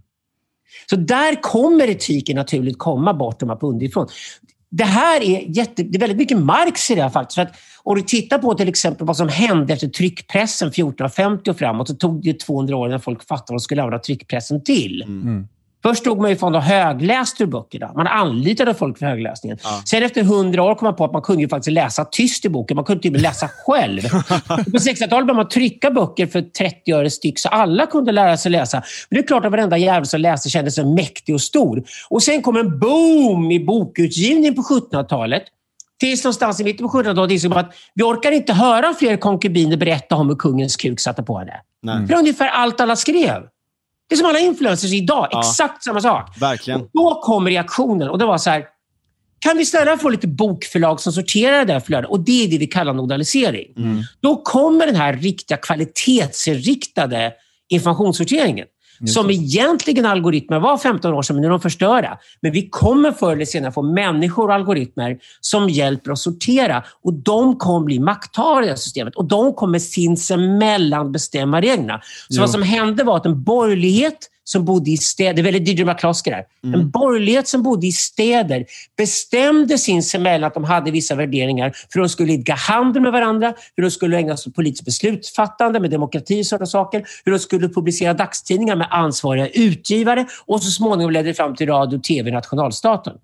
Men mm. hela det projektet var ett borgerligt projekt som Dyrma McCloskey pekar ut och det mm. kallar vi idag för liberal demokrati. Ja. Det kom till underifrån. Exakt. Precis, exakt så. Det var inga filosofer som satt och tänkte ut det där. För så fort filosoferna kommer, till skillnad från mig i alla fall, så nästan alla bara autister och tänker som Platon och vill vara Platon. Men sen och är det, är också det, för de bara... stadsplanerarkillar man inte vill ha där, sittande, som ska tänka ut saker. Men det läskiga är ju att, att man har någon konstig idé om att man ska reglera saker innan det händer nu för tiden. Det har man inte gjort tidigare så. Utan Nej, det är för att de gamla institutionerna vill ha regleringar för att rädda sina arslen. Ja, ja, Politiker vill reglera för annars ja, förlorar de sina jobb. Akademin vill reglera för annars förlorar sina jobb Jo, Massmedia om... vill reglera internet och ha betalt, för annars blir ja. DN av med sina jobb, för ingen vill ha DN längre. Nej, precis. Nej. Men jag menar bara att just den här, när vi pratade om anarki tidigare och att då kan ju folk tänka vad som helst och beställa mord och bla bla bla. bla. Ja, och det har vi väl dealat med i hundratals, tusentals år. Liksom, att, men att tror man, att du på det argumentet? Nej, men när DN, när DN säger att internet är farligt för man kan beställa mord, tror du DN menar allvar? Nej, nej, nej, jag, jag, är helt med på den idén. Men bara skydda sina privilegier. Ja, jag, vet, jag är helt med på det. Men det De skiter menar... om du blir skjuten i huvudet. Peter Wolodarski precis, precis. Men det, jag, ja, precis. Men det är ett dåligt, dåligt argument överhuvudtaget att försöka reglera saker innan det händer. Det vi gör är ju att reglera saker efter de har hänt. Mm. Vi kan ju inte reglera vad folk tänker, eller vad folk säger eller vad folk gör. Utan det vi gör det är att bestraffa det i sådana fall i efterhand. i ja. sådana fall. Vi kan ju inte, eller, alltså, eller gör det är inget argument att låt, försöka stoppa folk. Låt dem reglera bäst de vill och så går någon annanstans ja, och kan de sitta och reglera ihjäl sig ja, med sin skit. Och näthatsgranskare och fan de gör. För de är inte där du är. Nej, Rekryteringen gör det. De fattar inte vad de sätter i rörelse. Och jag älskar det här, för nu går ju folk till signal och telegram och säkert beställer både knark och mord och alla möjliga saker. Mm. Shit vad det här är bra för knarkhandeln. Ja. Shit vad folk kommer att knarka och komma undan med det. Det är jag kanon. Minns, ja, jag minns när Silk Road fanns. Det var ju den bästa kvaliteten man kunde få. Alltså, det... Signal är lika bra, det är bara att folk fattar det. det var ju det liksom, sommaren, där, där, där behövde man inte vara orolig för att det var nersmutsat med vad fan som helst. Liksom. Efter coronan blir det bara rave och kinkyfester, så in i helvete ja. mycket. Det är roaring twenties igen. Och det kommer gödas av krypterade tjänster där folk kan göra vad fan de vill. Och polisen har ingen insyn, myndigheter har ingen insyn, politiker har ingen insyn för de har helt missat tåget. Och, och så tror de att Facebook ska rädda dem och Facebook säger så här, nej, vi kunde kontrollera folk och försökte det med WhatsApp Messenger, men de är inte kvar för de hatar oss. Ja. Ja, fuck you. Ja. Men där är intressant då, alltså för att just nu så går ju väldigt många tangenter åt ett väldigt korporatiserat internet. Även vad, vad gäller, vi hade ett avsnitt med Erik Lut som jobbar på Wikimedia nu eh, eh och, och, pratar om, eh, och pratade väldigt mycket om copyright, artikel 13. Uh, eh, och uh, hur liksom företagen försöker att strypa allting som går att ens på litet fragment kopplat till deras copyright försöker de strypa. Mm. Ja, uh, I kombination är... med idéflödet, i kombination med alla de här Frans, sakerna. Det här, det här, det här gjorde de inte för 15 år sedan, för det är bara på grund av molnen de har fått det storhetsvansinnet. Ja. Det är på grund av, de, de räknar med att några få moln har alla data i hela världen och alla beroende av molnen. De tror att det ska vara så nu. Mm. Så de inte fattar att det här kommer generera en ny decentraliseringsvåg. Exakt. Det är därför jag tycker, därför jag tycker hackers är intressant. Så att sådana figurer som Jarik Falkvinge är skitstora idag bland hackersvärlden. För hackers känner ju på sig att det här är deras väg tillbaka. Och en sak till. Hackers tjänar pengar idag. För det är de som sitter och bygger krypteringsplattformar och kryptoplattformar åt schweiziska banker. Ja. Varenda jävla fucking hackers i Europa har mycket jobb som helst idag. Ja. Just det. Ja. Och det är skitbra, för då får de desto makt och inflytande. För då har de stålar också och kan säga fuck you till allting de inte gillar. mm. De kommer bygga nya decentraliserade plattformar och där i den kulturen är det redan idag en stark etik, inte metatik, en stark etik som satsar så här. Bete dig schysst mot dina polare får du tillgång till min hårddisk och så samarbetar vi. Open source hålls som en helig princip. Så ja. långt det bara går att använda open source. Och Det betyder att om sen då Facebook och de andra jättarna kommer komma försöka komma in och sno åt sig det här. Det kommer vara sån iskyla så iskyla mot Zuckerberg och de andra, för de behöver inte dem. Nej. Nej. Men kommer det bli, kan man säga, två stycken olika internet då? Ett liksom korporat, sönderkorporatiserat internet som bara försöker stjäla din tid, som bara är för, så att säga, din uh, vad är det du säger, det underklassen, internets underklass liksom. Mm. Och, och ett annat internet som är mer... Ett SVT Play och eh, poddar. men precis, men, men liksom, hur kommer det se ut då? Kommer det vara, alltså kommer det vara såna här krypterade, typ, eh, vad fan heter de, eh, Tor typ, eller kommer det vara på det vanliga internet fast kopplat till andra, hur kommer internet alltså, Nej, du, de som ger dö, internet... Du behöver inte dölja att det är signal och finns. Du behöver inte dölja att du är telegram och finns alls. Det är bara krypterad service. säger, våra användare bestämmer hur vi gör vår grej. Och vi flyttar dit i världen och sätter oss där vi får sitta och vara i fred. Ja. Signal och telegram är inte amerikanska tjänster och inte kinesiska tjänster. Och jag skulle säga så här, jag skulle inte använda någon plattform idag som bunden till amerikanskt eller kinesiskt territorium. Nej. Varför då? För det gamla sammanfallande imperier med politiska, akademiska och näringslivsmässiga som är desperata. klasser som vill styra internet och de vill styra oss med stora mål och kontroll. Mm. Okej. Okay. Taiwan, bra ställe. Estland, Slovenien, Island, bra ställe. Bahnhof är kanon i Sverige. Ja. De har lyckats stå upp mot svenska myndigheter och det säger en hel del om att Wikileaks har förtroende nog att lägga väldigt mycket data på svenska serverhallar. Mm. Så jag tycker Sverige ska absolut köra vidare med linjen att vi är ett litet land, vi älskar frihet, vi, tår, vi tar emot och använder så mycket frihet vi kan för det kommer ge oss konkurrensfördelar. Verkligen, Precis. verkligen. Du bygger den plattformen. För jag, jag har bara jobbat i Slovenien och Estland, för det är små länder med mycket, man kan mycket påverka de här länderna och det som är roligt med dem. Och jag säger bara, titta på Singapore och Dubai och jag att det är Singapore och Dubai med lite najsare klimat, inte fullt så hett och dessutom lite granskog och lite fjäll omkring. Mm. Skitbra modeller idag. För jag tror att alla nya plattformar kommer läggas i sådana territorier för att lyda under lagarna som finns där, för att slippa ja. vara i USA och Kina. Jag är skeptisk till, jag, jag, jag, tycker att det hade blivit väldigt, väldigt bra om vi gjorde det i Sverige, men jag är ganska skeptisk till att det kommer gå med tanke på det eh, politiska klimatet både, alltså i båda blocken, eller i alla blocken rättare sagt. Vill du höra en sak, Frans? Ja politiker i Sverige har ingen aning om det här. Nej, nej, nej, nej, nej det vet de jag. Fattar de är så jävla dumma i huvudet. De vet inte vad signal och telegram är, fast alla deras kids vet det redan. De fattar ingenting. Ja. Stefan Löfven har inte men, handlat på internet. Alltså. Nej, det är sinnessjukt. Men, men, men det jag tänkte komma Ste till Stefan Löfven är på, Stefan Löfven är på nöd och näppe var ICA ligger i Hudiksvall. Typ.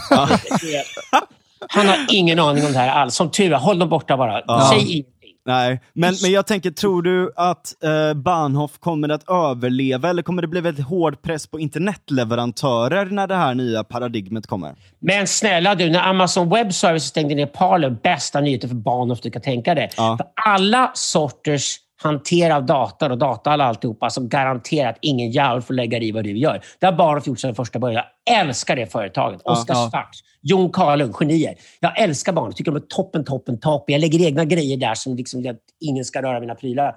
Men grejen är att Bahnhof skulle också kunna lämna Sverige om de inte fick rätt villkor här. Ja, Men än så länge får de operera ganska fritt. Jag tror att de små länderna i Europa kan klara sig rätt bra och jag tror stadsstat som Singapore och Dubai kommer äga världen. Mm. Mm. Och Jag tror de här stora imperierna, Ryssland, Kina, USA, jag är livrädd för alla tre idag för att de ska brasa ihop eller braka eller liksom bli stora problem. och ja, Xi Jinpings modell bygger helt och hållet på att alla data i Kina under kinesiska techbolag går till en centraldator, kinesiska kommunistparti för kontroll av medborgarna överallt. Mm. Men, Vi hatar det allihopa. Vi känner också... det Det är Orwell 1984. Vi vill inte ha det. Och Då Verkligen. måste vi skapa de filosofiska alternativen till det. Och De tror jag kommer genereras av att det kommer en ny klass netokrater som vägrar vara en del av den sortens toppstyrning. Och mm. det är inte Mark Zuckerberg och hans gäng. Där nästa generation netokrater säger så här, nej, nej, nej, nej, nej, nej, nej. Vi kör open source hela vägen och vi tror på att anarkin kan bli en plurarki och i plurarkin kommer fram etik som gäller hur man förhåller sig till andra. Beställer du ett mord på internet så är det så att dina sociala kontakter är förstörda efter det. Ja, verkligen. Men, men jag tänker där då, alltså Um, fan vad var det, nu, nu tappade jag bort mig, förlåt. uh, Eller kognitionsvetenskapen satt i ditt bakhuvud igen, alltså på spökande. ja, precis, precis. Uh, jag kanske kommer tillbaka till det sen. Um, nej men det är verkligen, det är väldigt, väldigt oroväckande just, uh, jo, för, nu, nu kommer jag ihåg vad det var. Uh, all den datan som Kina lyckas samla in just nu, som Google lyckas samla in just nu, och så vidare, Amazon också för den delen, Alltså, tror du inte att det görs extremt mycket forskning på den just nu? Som de använder också, som, som de kan använda för att styra människor?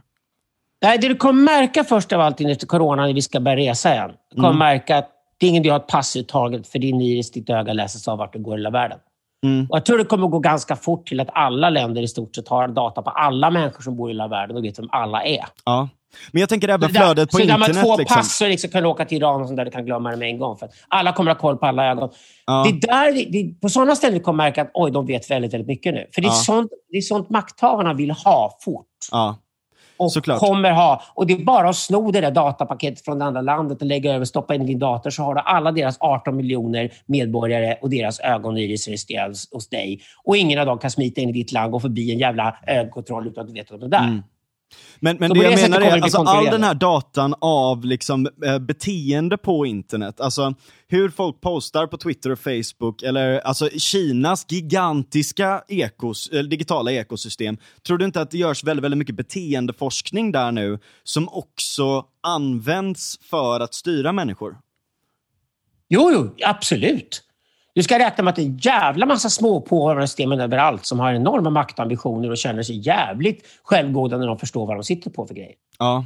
Vår nya bok kommer handla om det här problemet. Det kommer handla om eh, pelarhelgonen och pojkfaraonerna genom historien. Mm. Vi anser egentligen att jag och Söderqvist anser att det är bronsåldern som är guldperioden i historien när man byggde väldigt mycket. Ja. Och efter det, från 800 f.Kr. och framåt, så har vi både i Asien och Europa det här vi kallar för axialåldern som har hyllats jämt. Och vi ser att axialåldern är problemet med vår historia. För det är axialåldern och det överflöd som skapades då en lång fredsperiod som gjorde att vi fick en jävla massa småpåvar där ute som tyckte att de var Guds gåva till mänskligheten. Alla Platon och Konfucius det har föddes då. Och det är de vi är motståndare till, jag Söderqvist i vårt arbete. Mm. Jag anser att de som bygger saker som ska hyllas i historien och inte de som springer omkring och talar om för dig hur du borde leva. Nej, nej verkligen. Mm. verkligen. Okay. Och det, är det, är ett, det betyder att vi kan inte ens gå tillbaka till upplysningen som Horkheimer och Adorno gjorde och montera ner 1600-talet och, och småpåvarna då. Vi måste gå tillbaka till när de här småpåvarna överhuvudtaget fick en röst och började få ett inflytande. Och den processen började för 800 f.Kr. Det är därför jag tror att de idéerna som kom fram under bronsåldern är så mycket intressantare egentligen. Mm. Jag är mycket mm. mer intresserad av persisk och judisk idéhistoria. Jag är intresserad av europeisk idéhistoria. Då. Ja. Den europeiska idéhistorien är ganska banal egentligen. Mm. Medan den judiska persiska historien är superkomplex. Mm. Det är alltså guldgruva att gå och gräva där istället. Och Det är samma sak när vi tittar på Asien också. Att det finns idéarv i Kina och Indien som definitivt är värda att gräva sig ner i. Mm. Vi inser också hur jävla mycket ideologiproduktion som bara handlat om att en viss elit ska styra över en viss massa och ja. skapat en story om hur de ska göra det. Och Det är, det är den banaliteten du blir så arg på till slut. Alla dessa jävla pyramidbyggen. Från början var de bokstavliga, sen blev de istället idémässiga. Ja. Jag anser att du måste skriva om hela idéhistorien utifrån det att, vänta nu, Ska vi bestämma oss för att det är småpåvarna som sitter på en pelare i skogen och säger hur vi borde leva? Ska vi bestämma att det är de som är intressanta? Eller vi bestämma att det är ingenjörer som bygger grejer? Och då ska jag säga att jag kommer definitivt ta ställning för ingenjörerna. Mm.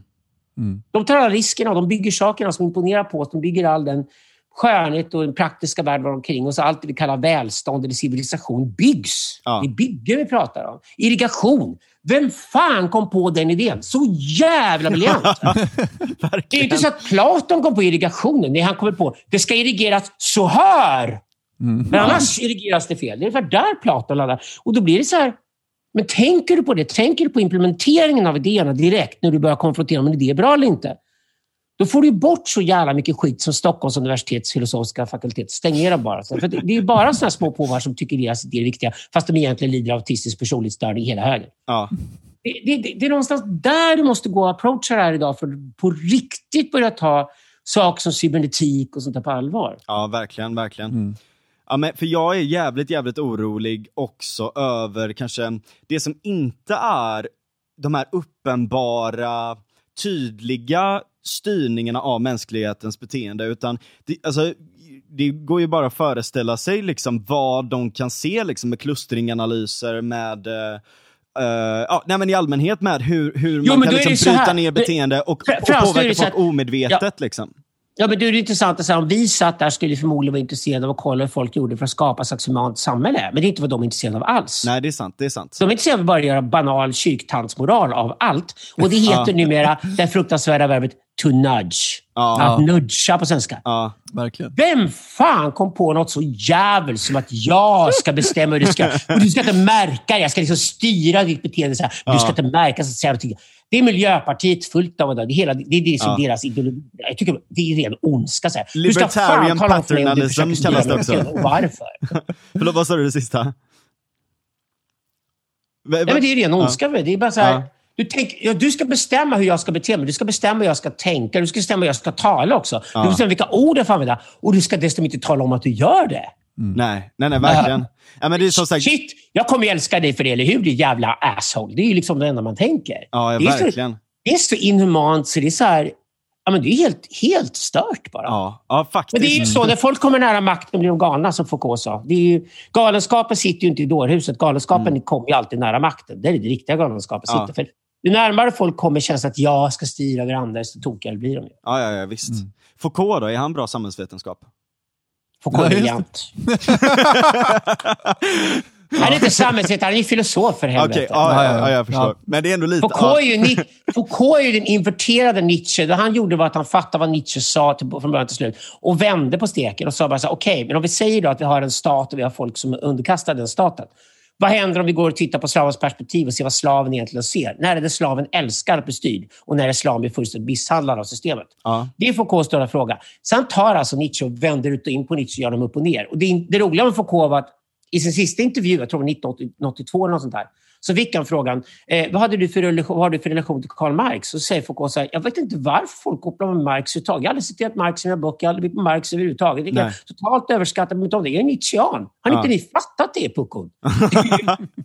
Verkligen alltså. Säger och, säger, och så förresten säger han, och jag, vill, jag gillar inte det där med gay. Jag gillar att ha sex med män. Jag är fan inte gay, så och så dör han. Han hade ju fullständigt rätt i det. Han är fullständigt, vad var gay för någonting? Det är bara ett stort jävla misstag. Förr kunde alla ligga med fan de ville, men nu är det små lådor och du måste vara gay om du vill ligga med någon som har röv och du måste vara straight. Och vad, vad var det för jävla dålig idé? Det är som Foucault det är bara beteende, det är inget man kan vara. Det fattar varenda arab. Ja. Ja. Bra Foucault, Nej, han är briljant. Ja. Älskar det. Och, och de, här, de, här, de här amerikanerna, Camille Pagler och fattar inte Foucault alls. De har inte läst, de fattar ingenting vad de håller på med. Nej. De begriper inte Foucault. Jättevanligt misstag. Nej, det där är väldigt, väldigt störande hur man liksom har det finns ett begrepp som heter liksom selektiv postmodernism. Att man väljer och vrakar lite när man kan relativisera och när man vill bygga upp väldigt, väldigt hårda styrande system som är det enda perspektivet man får ha.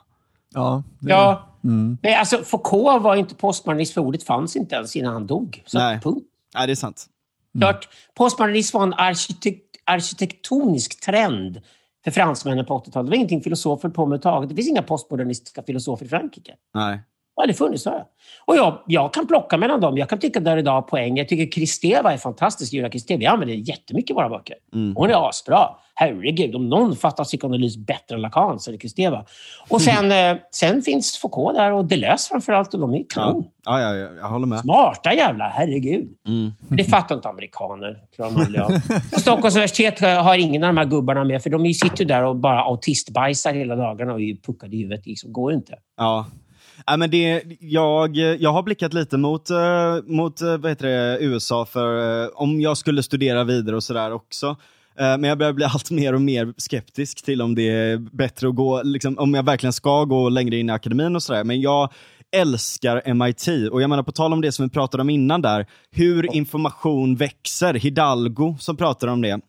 Uh, hur lärde sig materia ta en input, ge en output? Hur blev det komplexa system? Hur ledde det till ekonomi? Hur ledde det till ja, idéflöde och allt möjligt? Liksom? Där verkar ju finnas en bastion av frihet fortfarande, och, eller så här, frihet och smarta idéer fortfarande. Ja, men varför ska du dit där allting skapar... Jag är med i Intellectual Deep Web. Det är mycket bättre. För det är de smartaste unga hjärnorna i Nordamerika och Europa. De är alla digitala online och träffar varandra där. Ja. Ingen av oss är beroende av en institution längre. Ingen av oss bryr sig om eller pratar om universitet och högskolor längre. Nej. Jag tror de är över. Mm. Ja. Det kommer vara några få forskningsinstitut som stoppar sin pengar i från några rika filantroper. Och sen kommer egentligen alla som sysslar med någonting verksamhet som Google och de idag försöka lägga egna resurser på forskning såklart. Ja. Men jag skulle säga att jag tror på klostrens återkomst. Jag tror att det är billigt idag att forska.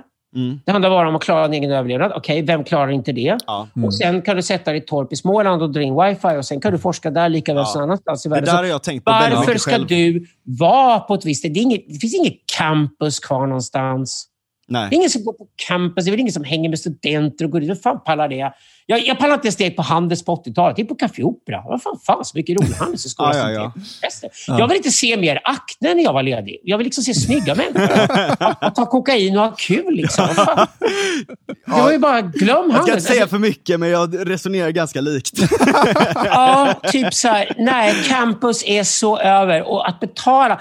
Det var som någon sa det första folk fattade när coronan kom, att betala en halv miljon för, för en semester då på, på Harvard, mm. när du kunde få alltihop det på praxis.com för 2000 dollar, var så här, ja. nej, varför? Mm. Mm. Det är bara ytterligare en sån här bransch som tech kommer riva undan mattan på. Det kommer gå fort. Ja. Så men, över. men tror du inte att det går att skapa bra utbildning. Alltså dels för grundskolan, det var en sån sak som jag glömde att hugga in på där innan. Dels grundskolan, Om någon gör något bra idag så ligger det på YouTube på en gång. Ja. Mm. Det är sant. Var ska ligga någon annanstans? Skapa något. Vadå? Varför då? En app eller vadå? Ja, men det måste det ju vara folk idag. som... Det ligger uppe på en gång och sen så... Ja, då kanske du lockar in folk en grej. Du kan ha en paywall vad du vill ha för någonting. Men det är väl inget svårt att bygga det idag. Det, det, det var en akademisk... Om, om du bara stängde alla högskolor på en gång och återuppfann idén om evigt lärande. Lärande genom hela livet. För folk ja. är intresserade av idag. Okej? Okay? Enculture, alltså enculturation på engelska. Vi säger, bildning säger på svenska. Ja. Jättebra ord för det. Okay. Om du är bildad och du vill vidarebilda dig själv hela livet. Vi gör det på Handelshögskolan där jag är, på Executive Education. Vidarebildning pratar vi om jämt. Vi bildar hela livet och vi regelbundet sätta tid för att koncentrera och bilda dig.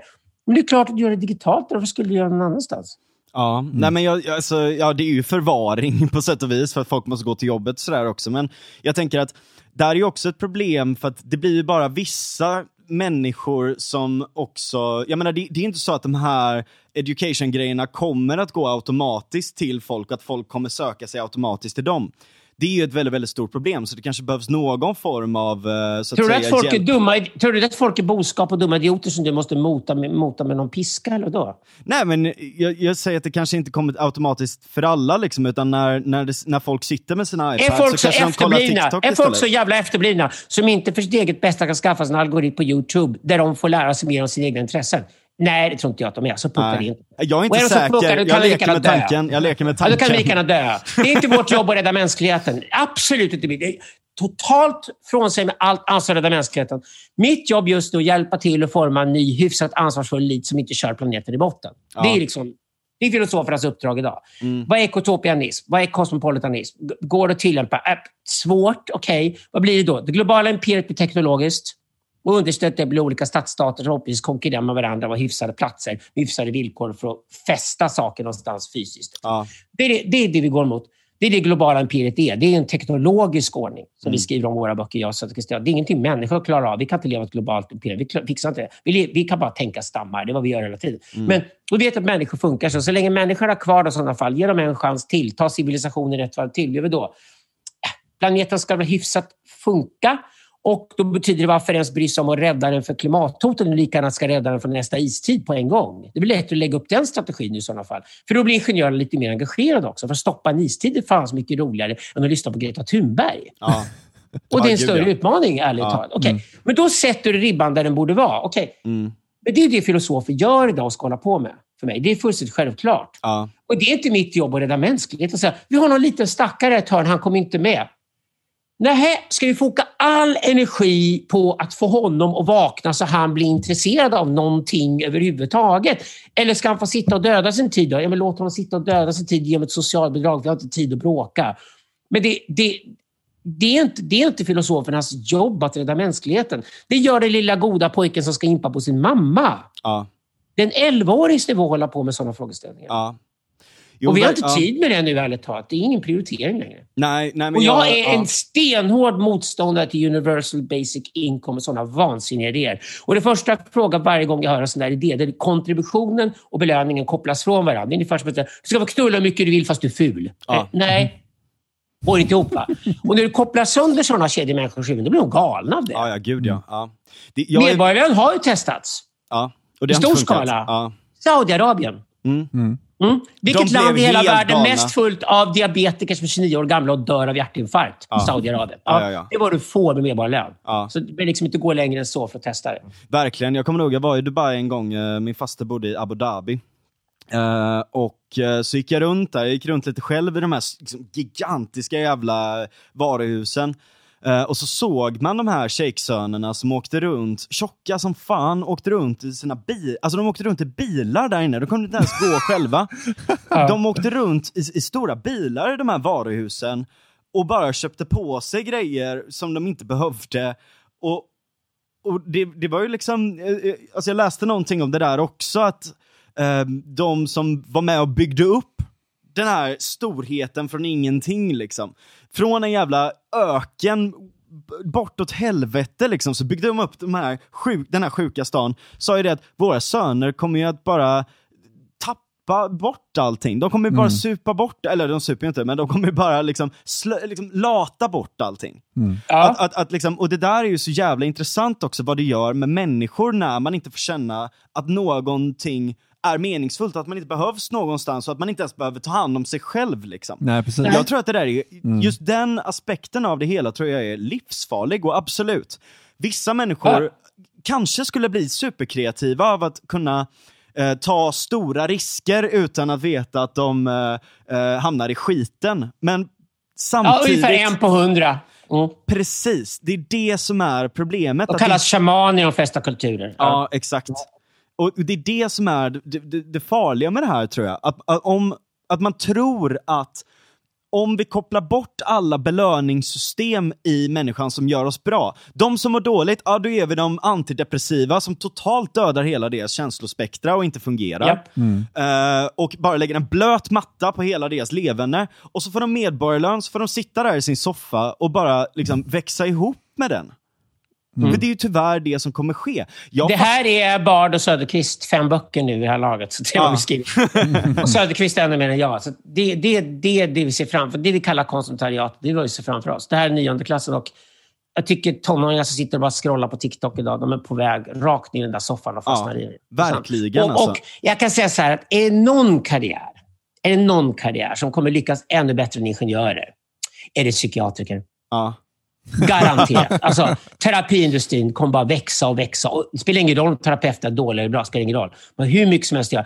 Ingen har några vänner längre, för ingen orkar höra på någon längre heller. Nej. Så alla måste betala för en kompis att lyssna på om det inte är terapi. Ja. Det säger ja. en hel del om hur sjuka vi är. Liksom. Och där, det, det, det är civilisationskritik vi måste rikta mot det samhälle vi skapade, de som vi har idag. Men mitt jobb är inte att rädda folk. Mitt jobb är bara att påpeka att det är så. Så får folk göra vad fan de vill med den situationen. Såklart, man kan ju inte tvinga folk att, uh, att, att, att, göra någonting. Det går inte. Och om du tvingar någon att göra någonting, då kommer de inte ta in det. Utan då kommer de fortsätta sätta sig i en position där det är så här, ja, ah, jag vet att du säger allt det här, men det är så jävla svårt på grund av abstrakta strukturer. Liksom. Mm. Mm. Det, det, det är livsfarligt. Det är det fulaste ordet jag vet på det svenska språket. Det absolut äckligaste ordet svenskan har. Sysselsättning. Vad är det? Gå inte att översätta det. Nej. Jag, jag, dö, jag, jag, dödar tid. Jag har något att göra. Ja, ja det är fan alltså. Det är så alltså. själa jag skrev om det. det är så här, vårdhem, gör något bara så jag gör något. Ja. Mm. Jag, jag skrev om det idag, det är så sinnessjukt. Sverige har alltså lyckats få tredje högst arbetslöshet i hela EU, trots att du bara, bara behöver ringa ett telefonsamtal i veckan för att du ska räknas som sysselsatt, trots att vi har 115% subventionerade tjänster. Ja, extratjänsterna då som kan gå till folk. Och trots alla de här jävla programmen, trots den gigantiska jävla hydran av Arbetsförmedlingen som kostar 80 miljarder kronor varje år, så är vi tredje sämst i hela EU. Jag fattar inte hur det är möjligt. Alltså jag börjar tro att de här sossarna är liksom, att de, att de trollar. Ja, men du, tar, du tar helt enkelt en sosse som är arbetslös och värdelös och skickar en sosse genom en folkhögskola och sen har sossen blivit en livscoach. Ja. Och får ett jobb som livscoach. För andra, oanställningsbara människor. det, är den nya, ja. det är den nya underklassen. Det är konsumtariatet. Det är exakt vad det är. Vi har skrivit om det i alla böckerna. Det är exakt vad det är. Ja. Mm. För att jag menar, det är inte... Det här är också en sån jävla fantastisk sak med, med, med marknaden och allt sånt där. Allting blir ju väldigt, väldigt mycket billigare att köpa och sådär. Uh, så att jag menar, ju längre vi går, alltså när vi börjar automatisera logistik, alltså när, när du kan få en drönare som levererar hem mat till dig och den maten är odlad av robotar i kanske växthöghus eller på marken eller vad fan som helst. Liksom. När allt det där börjar rulla, då kommer ju saker och ting vara hur billigt som helst. Att det kommer inte heller vara svårt att leva så. Du, behöver inte ens, du kan ha en medborgarlön på några tusen kronor antagligen och klara dig ganska bra på det mm. med allting som är så jävla billigt. Liksom. AI, AI kommer göra att storköket äntligen kan laga bra mat. Ja. Mm. Det går inte att göra för människor i storkök. Det vet jag av erfarenhet. Det blir bara soppa och skit av alltihopa. Ja, ja, Men AI kommer göra det. Exakt. Exakt. Det är mycket sånt som kommer att hända. Det, det, det, det, jag håller med fullständigt det. Men jag tror att jobb skapas alltid. Det skapas alltid en stor växande servicesektor. För det är helt enkelt bara så att människor, de löner de får, ställs i relation till, till de teknologiska kostnaderna att investera i saker. Ja. Och det, det är ganska många saker som människor fortfarande gör enklare för en hyfsad liten lön som de kan utföra sitt arbete med. Men vi kommer få, även ekonomiskt kommer få en stor växande underklass liksom, och en liten överklass som sitter på resurserna. Ja. Och den överklassen kommer under lång tid framåt vara betydligt äldre än underklassen också. Ja, det, ett demografiskt fenomen. Dagens 60-åringar som jag vi kommer klara oss bäst av alla. Generationen under oss kommer inte ens vara hälften så rika som vi är. Och generationen dem kommer förmodligen vara skuldsatta hela livet. Mm. Ja, mm. alltså för det, det, det, där, jag är ju en av dem, jag är född 95, jag är 26 år gammal. Jag kommer ju ärva alla de här jävla skulderna från dels nu corona eh, och mm. dels allt annat fuck, alla andra fuck-ups liksom. Under högkonjunkturen när vi hade 0,3% tillväxt per capita. Det blir liksom jag som ärver alla de skulderna och jag känner personligen, varför Alltså jag har inte fått så jävla mycket av skolan ärligt talat. Mm. Jag skolkade väldigt, väldigt mycket och lärde mig på egen hand. Uh, jag har fått skit från uh, polisen och från liksom, socialtjänsten och allt sånt där för att jag vågade röka gräs. Mm. Och, och ifrågasätta saker och ting och ta fucking svamp liksom. Uh, och, och rava. Ja, då har jag fått liksom, då har jag blivit eh, strippad naken när jag var 16 år och förnedrad av poliser. Uh, och uh, sen var jag tvungen att sitta i möten med uh, jävla sostanter som ärligt talat är helt dumma i huvudet. Som har mm. fyllt hela sin hjärna med desinformation och som också har de här påvekomplexen. Liksom. Mm. Um, och, och, då känner jag att så här, okay, det finns en poäng i att betala tillbaka om man känner att man har fått någonting. Men reciprocitet, är inte automatiskt. Bara för att någon ger mig någonting så behöver, och säger att det är liksom gratis eller skattefinansierat, så behöver inte det betyda att jag måste betala tillbaka det. Och ärligt talat, när jag ser på Sverige just nu och den tangenten som du är på väg till, så vill inte jag bidra till hela det här systemet längre. Nej. Det känns helt meningslöst. Mm. Det känns som att det snarare förvärrar för folk. Inte ens de äldre och rika privilegierade vill det längre, för de kommer ju upptäcka det. Min generation, vi som är runt 60 nu, köper alla privata hälsoförsäkringar. Ja. Mm. Vi litar inte alls på pensioner räcker eller att sjukvården kommer funka i framtiden med kommande pandemier och vad fan det som kommer hända. Utan vill vi absolut toppvård och, och få maximera våra chanser att leva ett kvalitativt liv så länge som möjligt, vilket man gör när man är 60, då tror inte vi alls att Sverige kan leverera det. Och någonstans där spricker den här bisarra lojaliteten mot världens högsta skatter. Mm. Ja. Som svenskarna har. Som både Moderaterna och Socialdemokraterna har köpt som en saga att det här är en evig sanning för Sverige. Ja. Att svenskarna är ett folk som älskar och blir lagda med världens högsta skatter och de kommer aldrig någonsin ifrågasätta det. Ja. det de, tror dessutom att det, de tror dessutom att skatterna är ungefär Eh, de tror själv, svensken tror i gemen att skatterna är hälften så höga som de faktiskt är. Ja, ja, ja. Nej, alltså, det finns ingenting där svenskarna är så naiva som sitt eget skattebetalande. Ja. Det är, Skatteverket är så jävla genialt. Ja. Mm. Nej, men för där är ju, tjänar du 25 000 kronor i månaden, då går 53 procent, om man även räknar med moms och punktskatter. Mm. Röker du och dricker du mycket, ja, då är det fan mycket mer än det också. Mm. Allt vi gör beskattas. Allt! Mm. Allt vi gör, varenda relation vi gör är beskattad. Och Det är en sån sinnessjuk princip att hälften av det som du producerar och tjänar ska gå till staten. Mm. Mer än hälften till och med. Mm. Långt mer än hälften. Dessutom så fort du släpper en fis, är skatt på det. ja, i princip liksom. Ja. ja. För det är metan i den, så det blir ju skatt. Ja, just det. Just det.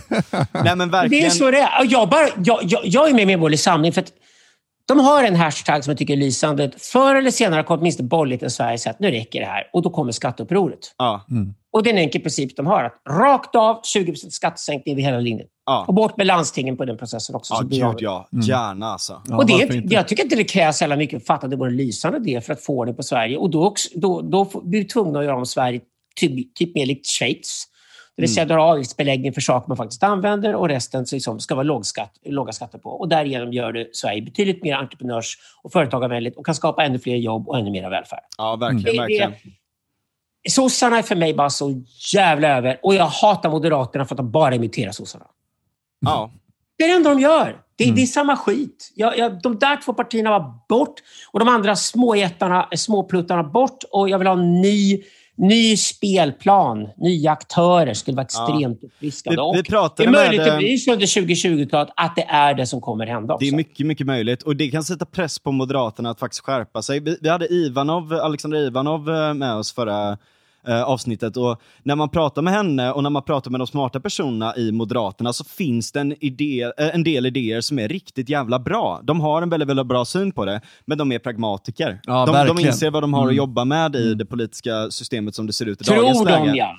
Kanske. De vågar ingenting, de riskar ingenting alls. Nej, men det, det, är möjligt. Men där, alltså jag tror att för också att sätta eld på dem att faktiskt våga göra mer saker så kanske det behövs uppstickare och sådär också. Liksom. Mm. Eller så behövs det, jag menar det behöver inte ske genom ett parti nödvändigtvis, utan det behövs en seriös diskussion om, om de här sakerna. Liksom. Om att försöka, försöka verkligen syna, alltså blotta det här jävla luftslottet som är uppbyggt. Liksom. Mm. Mm. Jag blir, alltså, jag, jag blir helt, jag alltså, blir helt galen. Varje avsnitt vi spelar in så slutar det med att Frans säger alltså jag blir helt jävla galen. ja men hur ska man orientera sig i den här galenskapen? Det. Det, det är, det är för att du rökte gräs, därför är du galen. Ja precis, exakt. Knark är bajs. jag, tror, jag tror, som du säger, sa där innan, bara det här med att rädda världen-tänket, liksom. jag tror att jag fortfarande är fast i det. Jag tror att mm jag tror att alltså, när jag ser på utbildningsfrågan så ser jag, okej okay, men hur kan vi, finns det inte något sätt att? Eller när jag ser till liksom eh, när jag ser till, det är det till jävla frikyrkoarvet. Liksom. Det är så svenskt det. Det är det jävla frikyrkoarvet. Det är frikyrkan fortfarande. Ja. Det är liksom så baptist och missionsförbundsungdomar som ska rädda världen för Jesus eller någonting. Och sen ska de åka till Afrika och rädda Afrika med feminism eller vad de ja. ska säga till nigerianerna. Alltså nigerianerna kommer skratta ihjäl sig över såklart. Det, det, det, det, är så jävla svenskt det där. Det är både naiviteten och samtidigt jävla högermodet av att vi vet bäst. Både gentemot varandra och att vi ska åka ut i världen och tala om för dem hur de ska leva. Det är så här, varför skulle vi, 10 miljoner människor i ett arktiskt klimat, veta hur det är att leva i Kongo överhuvudtaget? Mm. Mm. Alltså varför? Ja. Jag tror kongoleser klarar det bättre själva. Punkt. Verkligen. Håll käften. Och där är så intressant. Där det ja. Och istället vara koncentrerade på att få vårt eget system att funka. Och då skulle jag säga så att jag gillar Karl Marx, jag gillar arbete, jag gillar folk som jobbar hårt och stolt över det. Ja. Det försvann på 1970-talet, Sverige finns inte kvar. Det finns ingen vänster i Sverige. Nej. Det finns ingen vänster. Vad som finns är jakobinsk populism. Ja. Och det som skrämmer med den jakobinska populismen, där sossarna hoppar från den ena grejen till den andra för att hitta nya köttgrytor som håller igång deras karriärer. För ja. en ren privilegierad elit som är socialdemokrater idag. Och de har de Moderaterna bestämt sig att dela upp där. Och jag tror att det som blir uppenbart, det, om arbetarna fattar efter löntagarfonderna på 80-talet och det la grunden i Sverigedemokraterna, så kommer nästa stora uppvaknande komma. Och startpunkten för det är decemberöverenskommelsen 2016. Och det som hänt efter det är att en jävla massa människor fattar, vänta nu. Började Moderaterna och sossarna på allvar säga framför oss att de skulle maktdela det här och bolla mellan varandra så att de aldrig kan bli ifrågasatta? Det är diktatur. Mm. Ja, verkligen, verkligen. Det är oligopoli. Va? Och där vaknade det här Medborgerlig Samling, som är en folkrörelse. Det växer lika fort som Liberalerna krymper just nu. Mm. Och där finns det en jävla massa engagerade människor som jobbat hårt i deras liv, betalt av lånen, trodde de skulle flytta till Madeira under vintrarna, på, på liksom, eller Marbella under vintrarna. Och inser plötsligt att jag måste stanna i Sverige och måste engagera mig politiskt därför att mina barnbarn kommer inte må bra i det här samhället som skapas idag. Och jag vill inte att de ska bli indoktrinerade den här jävla vällingen som väller ut liksom från universiteten idag. Bort med den här skiten. Och det är de som hatar sossarna på allvar idag. Och de hatar självklart sosseimitationerna. Och jag, jag älskar Hanif Bali och Niklas Wikman. Jag tycker Ulf Kristersson privat, han är ju grym. Men jag tycker Moderaternas problem är fortfarande att de tar inte itu med, de tar inte ens itu med att de, de förutsätter att de vet hur det måste vara. Mm, mm. Ingen risktagande i systemet alls. Nej. Det handlar också bara om positioneringar och så låsa in en position och försöka hålla dem. Och köra dubbelspel och sådana saker som sossarna också gör och tror de kommer undan med det. Mm. Och jag tror det här är för uppenbart. Jag tror, inte, jag tror inte folk kommer gå och köpa det längre. Det som måste hända till nästa val är såklart att ett par av de här grejerna kapsejsar först. Och mycket talar för Liberalerna och Miljöpartiet rasar ihop. Ja. Mm. Tror du att Miljöpartiet kommer göra det också? Ja, de är ju fan körda. Vad ska vi med dem till? De är, ja, nej, jag håller med. Är, alltså, det, är, det, är, det är liksom omiljövänliga med dem partiet. Till? Liksom. De är helt de, onödiga. De är helt meningslösa. Ja. De är helt bakvända. Jag vet fan, alltså, Deras politiska arv är ju att vi importerar kolkraft nu. ja, Och öppna gränserna, men jag ska slippa betala det. Mm. Ja. ja det, nej. Nej, det är skitsvårt för dem tror jag hålla sig kvar i 4 procent. Jag vet inte om Stenevi kanske piggnar till lite grann då, att sossarna är så dåliga, alltså konkurrensen är för mager. Ja, liksom. Exakt, exakt. Jo, men det är mycket möjligt, för att nu är det en sån sinnessjukt låg nivå från Socialdemokraterna att det inte är klokt. Alltså, och allting... Nooshi, Nooshi kör ju bara det hon ska köra. Hon kör bara så här, hon är bitter ja. och hon vill ha med sig alla bittra. Och allting ska vara 100% skatt igen på allt. Och det ska ja. ändå funka. Bittert, hon kommer ändå inte ha någon makt som kan kräva det. Hon kommer aldrig ta ansvar för någonting hon säger. Och då kan man som Vänsterpartiet alltid göra så att vi ska ha 100% skatt på allting jämt. Ja. Mm. Absolut. Ja. Men då får de sina 15 procent av de får sen inte hon är med i leken. För det ja. går liksom inte att göra något med det. Men det känns Men som att, jag, jag, skrev det häromdagen, det är som att liksom sossarna har börjat få mängdrabatt på efterblivna politiska förslag, eller alltså på, på kriser.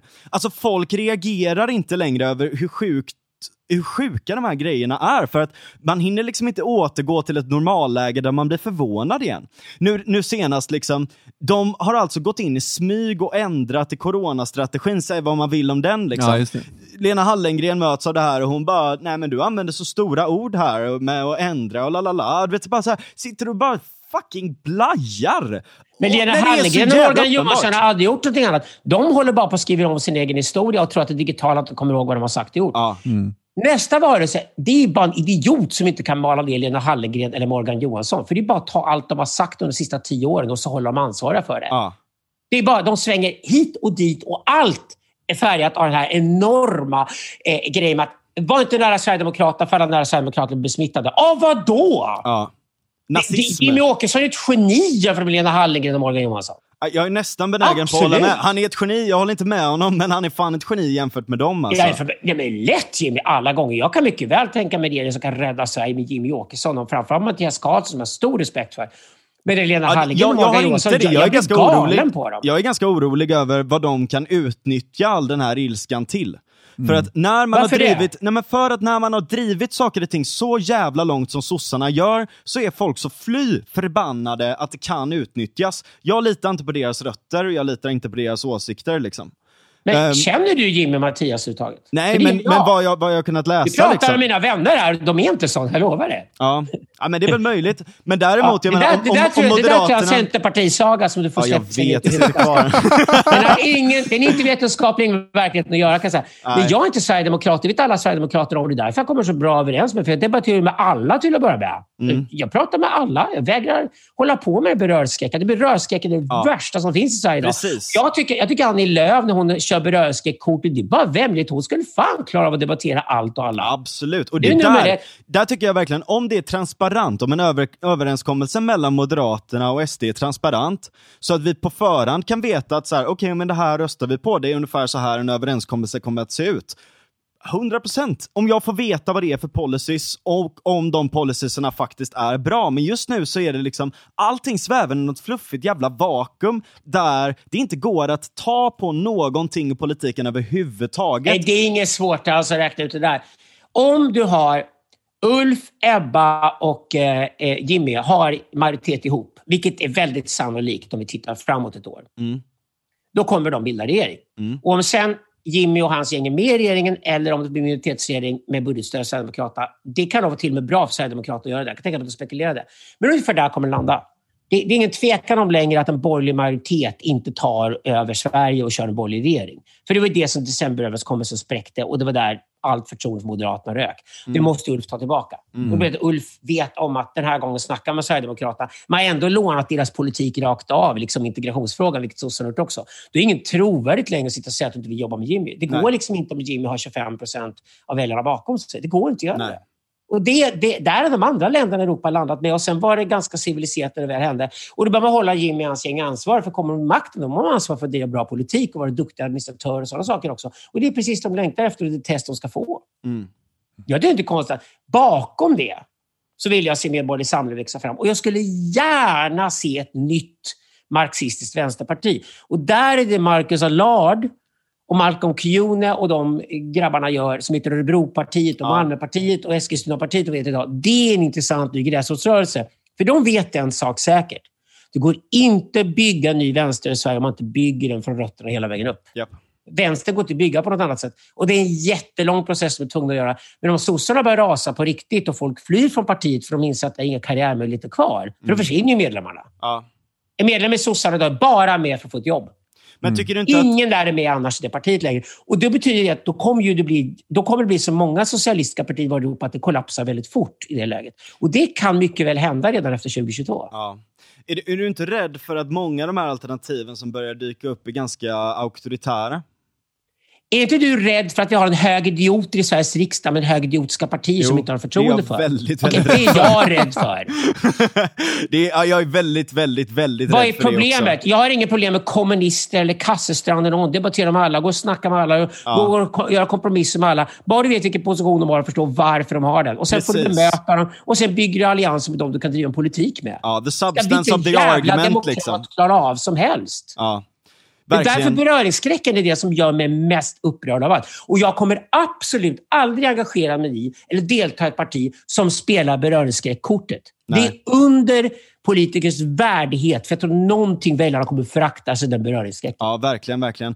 För nu, alltså på den senaste tiden så har det, det går inte att prata politik, eller alltså de här politiska partierna pratar ju inte politik längre, utan de pratar bara om, det är bara liksom Instagram-thotteri nästan. Liksom. Mm. Kolla på mig, här är jag som dansar till en låt lite quirky. Liksom. Det är, det är, så, det är så pinsamt. Annie Lööf för fan till Bianca Ingrosso. Snälla, sänk den nivån Annie. Ja, nej men precis. Det är antingen det, antingen så är det liksom helt devoid av politik överhuvudtaget och så är det bara någon ja. fluff och identitets... Um, alltså identitetsmarkörer. Man har liksom politiken som en liten väska som man dinglar vid sidan. Liksom. Eller så är det bara fluff om, om liksom att angripa intentioner på ett abstrakt plan och så här, nej men det är inte alls min intention, jag vill göra det här och det här. Ja, det säger du nu på grund av det här och det här och det här. Alltså, det är som där, där, kan man prata om en metanivå på debatten. Det ska jag inte säga nu, men alltså det är en metanivå på debatten där man bara pratar om liksom så jävla mycket fluff hela tiden.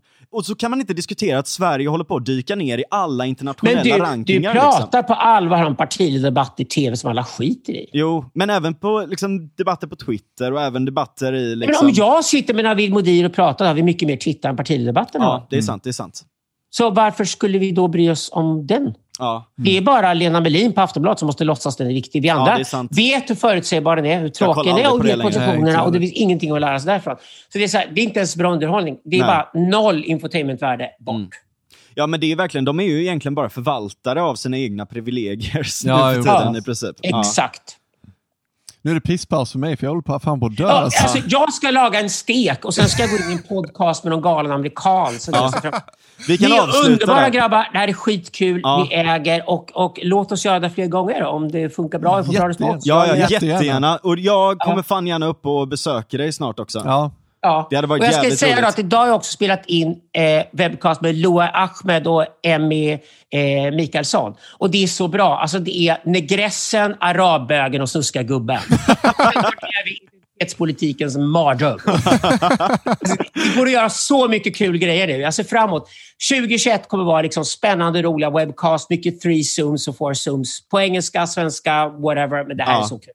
Jag älskar det här formatet. Ja, mm. jag tror att det kan uh, bli jävligt kul det här året också. Jag tror att folk är så fruktansvärt trötta att det finns ett sug för sånt här också. Ja, verkligen. Mm.